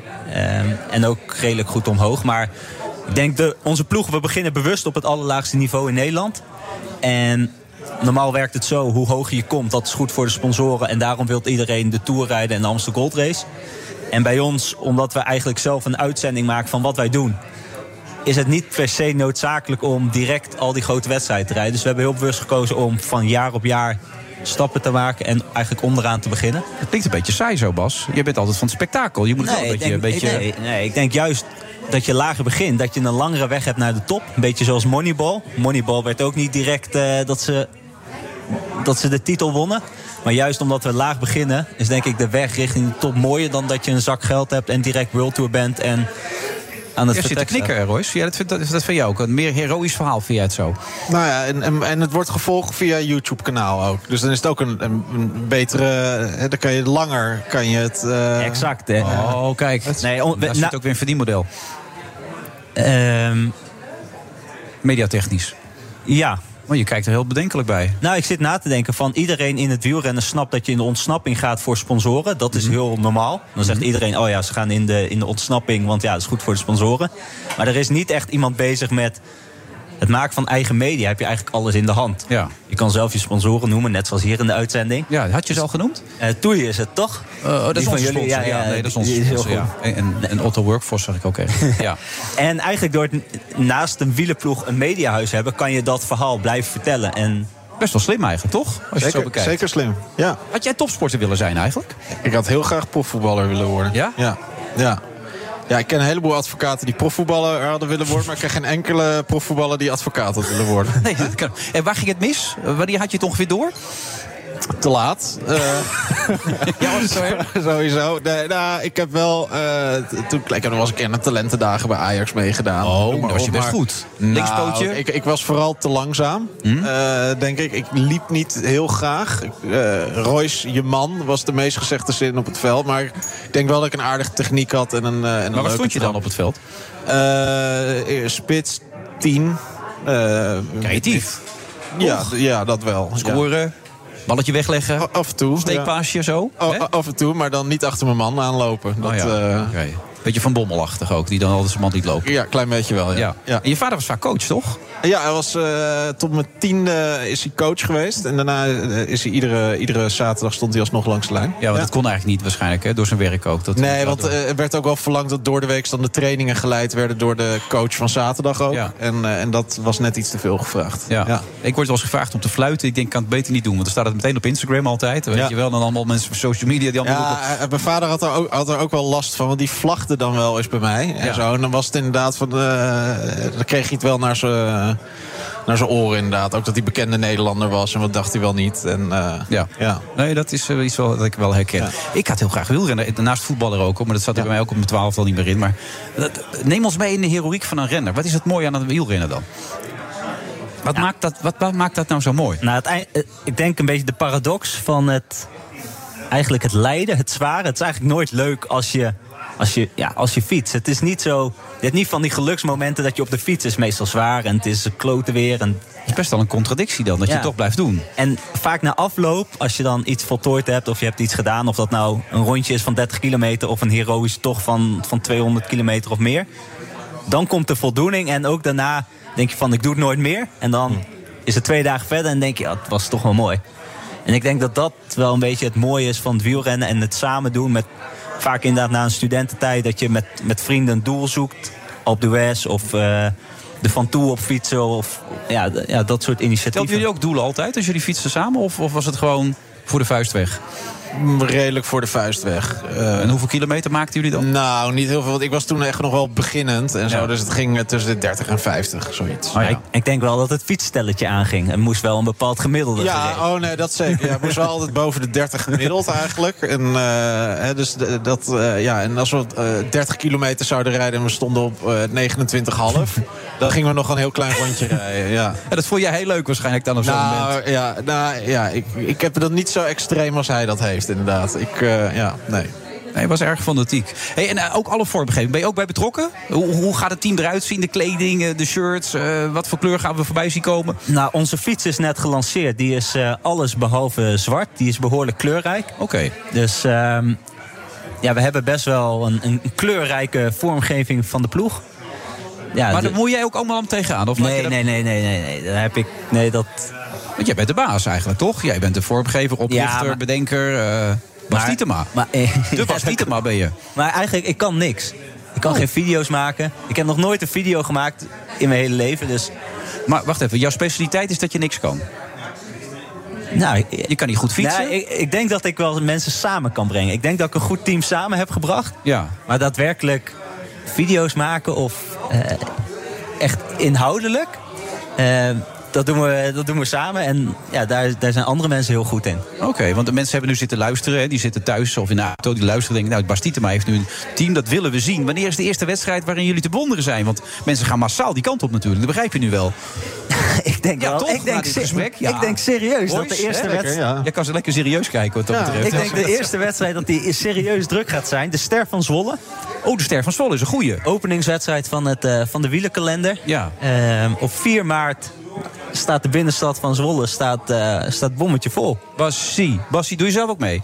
Eh, dat weet ik nog niet. Ik weet niet of ik opgesteld word. Ben je een beetje vorm dan? Train je wel een beetje? Ja, ik heb eh, zojuist heb ik nog gefietst. En Hoe lang dan? Drie uurtjes. En hoeveel kilometer is, is het dan? Dan rij ik eh 92 kilometer ongeveer. Best wel oké. Ja. Toch? Dus, Doe ik hem niet na. Ja, een beetje. Mijn trainingsweek is ongeveer zo tussen de 15 en de 20 uur. Daarnaast nog eh, andere werkzaamheden en zo. Ja, maar wat, dan, wat voor andere werkzaamheden dan? Eh, ja. Je, kijkt me steeds aan of ik hele gekke vragen stel pas. Maar dat lijkt me toch vrij logisch, deze vragen. Nou, eh, vergaderingen, zorgen dat alles goed loopt. Ja. Ehm, ja, Mensen samenbrengen? mensen samenbrengen. Ik heb een, normaal gesproken neem je een jaar de tijd om een wielenploeg neer te zetten. Wij hebben dat gedaan in, denk ik, in een maandje of drie op dit Ja. moment.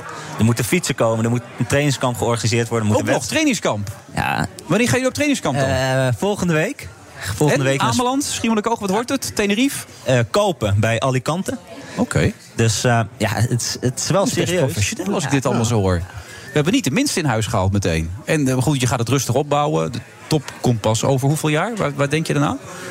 Nou, ik hoop volgend jaar met de ploeg in de Amsterdam Gold Race te staan. En dan het jaar erop een grote ronde. Oké, maar dat is heel snel. Ik denk, je gaat jaar of vijf, zes erover doen. Maar eh, Nee, jaartje, volgend jaar de Amsterdam Gold Race. oké, je je zei net een monument gaan we nog niet rijden. Dat bedoel je mee? Nee, je had het over het woord monument. Die gaan we nog niet meteen rijden, zei je net. Dit jaar, Ja. dit jaar nog niet. Nee. Een monument bedoel je een grote klassieker? Of? Exact, ja. Oké. Want ik moest even aan het monument denken waar eh, volgens mij voor jouw vader ook iets gaat komen. Ja, heel slecht bruggetje, maar het woord monument hield me gewoon even bezig. Wanneer gaat dat komen op het Leidseplein? Dat eh, traject loopt nu. Er is nu een, eh, een kunstenares uitgekozen met een eh, voorlopig ontwerp.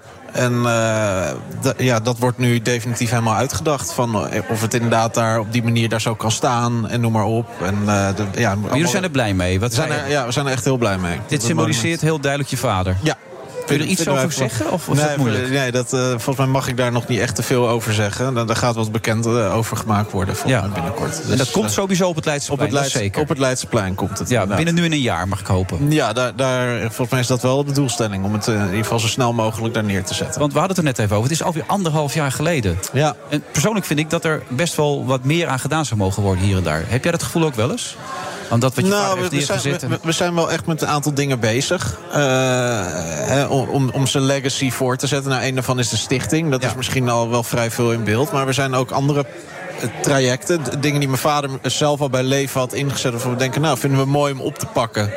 Bijvoorbeeld? En ook daar, nou, ook daar kunnen we niet te veel over zeggen. Nou, er, er komt bijvoorbeeld wel een... eh, nou ja, de, de, de- een serie waarschijnlijk binnenkort. En eh, nou ja, daar kan ik nog niet te veel over zeggen. Ik merk het, ja. Ja, ja dus, Ja.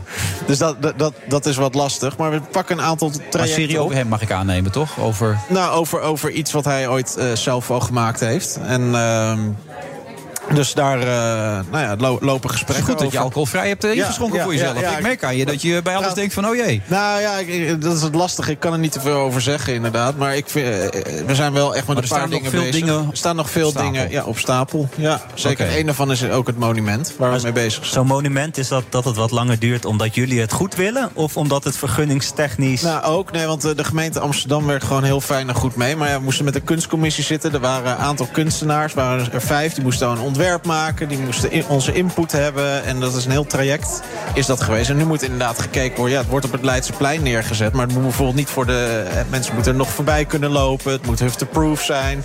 Moeten mensen niet in kunnen klimmen. Ik zeg maar iets. Allemaal Ja, ja. dingen waar rekening mee gehouden moet worden. En dat wordt nu allemaal uit, eh, uitgekeken van... Goh, het ontwerp wat er nu is... is dat ook gewoon echt mogelijk om dat zo daar neer te zetten. Maar het gaat er komen. Het gaat er En komen. liefst zo snel mogelijk. En het liefst zo snel mogelijk, ja. En al die andere projecten ga je de volgende keer vertellen. Zeker, dan Ja. eh, kan ik daar wat meer over zeggen. Oké. Dat is goed dat je er was. Jij trouwens ook, Bas. Dankjewel. Succes ook daar in Zwolle, hè? Je moet even mee. 4 maart, hè? 4 Ja, maart. 4 maart erbij.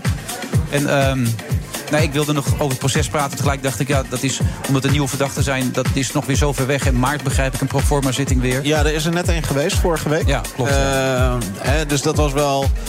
Nou, dan begon het weer eigenlijk helemaal opnieuw. Het enige verschil is dat er nu zes verdachten zijn. In het begin waren het er twee.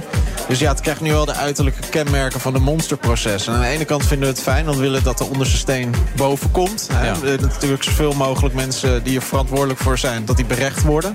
Aan de andere kant ja, merk je ook al, omdat het zo groter wordt... Ja, eh, het is ook best wel pittig om dat zo mee te maken. En eh, ja, zo'n proforma-zittingje duurt al gauw zes uur... omdat er ook eh, nou ja, zes advocaten bij wijze van spreken aan het woord moeten komen... om even te reageren op wat het Openbaar Ministerie zegt. Dus ja, dat gaat lang duren. En dat weten wij nu inmiddels. Daar hebben we ons ook op ingesteld. Dat, het, dat we hier nog wel zeker zeven jaar mee bezig zijn. Zo. Dat het, eh, dat het onderdeel van ons leven zal zijn. En als advocaat eh, kom ik natuurlijk al vaak in rechtbanken. Maar eh, het zou ook ons leven worden om als nabestaande de rechtbank in en uit te gaan. Ja, nou, heel veel sterkte daarmee. Vond je het wel fijn om over te praten vandaag? Met? Zeker hoor. Ik, ja? ja, zeker. Oké, ik vond het fijn dat je er was. Ja, ik vond het ook fijn om hier te zijn. Ja, nou, tot de volgende keer dan. We gaan met z'n allen die boot op van Bob, Bob enzovoort. Eh, Bas, je kan ook mee op die boot hoor, Bob Ja, als je wil. ik, ik, ik heb het meegekregen. Ja? Ik, eh, ik Jij ook op de boot? boelen- boeken. Oké. nou goed, tot zover deze uitzending. Volgende week zijn we hier weer. Zitten we in dezezelfde Skydance volgens mij. En dan is Misha Blok mijn co-host. Nou, hartstikke leuk. Tot volgende week. Dag. Ik had het echt niet zien, eh, zien aankomen. Gert-Jan Zegers weg bij de ChristenUnie. Als ze al succes boeken, dan heeft dat vooral te maken met het eh, terugdringen van ongelooflijk veel eh, Russen die daar naar het eh, front zijn gestuurd. Eh, De pensioengerechtigde leeftijd eh, moet omhoog. Iedereen moet eten, dus het is moeilijk om daar heel erg op te bezuinigen. De stijging van de voedselprijs die zet eigenlijk gewoon door. Is echt het nieuwe Brexit, Maxit. En het heeft het land verdeeld. Hè? In beide geval gaat het nu om een tiental documenten. Want 54% van de Fransen is tegen deze hervorming. Maar tegelijkertijd zegt 53% ja, het is wel urgent dat het wordt doorgevoerd. Dat is een vraag waar we het antwoord nog niet op hebben. Het is ook te vroeg om dat te duiden. We have just signed the third NATO-EU joint declaration. Het lijkt wel, het, eh, ja, dit is zo met Prins Harry. De ene helft vindt het wel goed en de andere helft vindt het niet goed. Ik heb het ook tegen ze gezegd, leg het allemaal vast. Ik heb gehoord dat Rutte aan iets gaat meedoen dat moet gaan lijken op een soort college tour-achtig programma.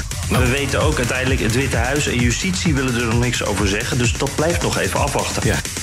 No problem. En die koude lucht die komt ineens in beweging. Die eh, komt onze kant op. Want Gert-Jan Zegers is voor ons allemaal toch echt een gezicht geworden van, van de ChristenUnie. Het is natuurlijk eh, eh, dweilen met de kraan open als je dan tegelijk allemaal andere klimaatmaatregelen gaat nemen. People know I take classified uh, documents classified information seriously. Er zijn er echt serieuze fouten gemaakt natuurlijk. Want eh, die vertrouwelijke documenten die hadden daar helemaal niet mogen zijn. But I don't know what's in the documents. De Friday Move wordt mede mogelijk gemaakt door Otto Workforce en TUI. Live happy.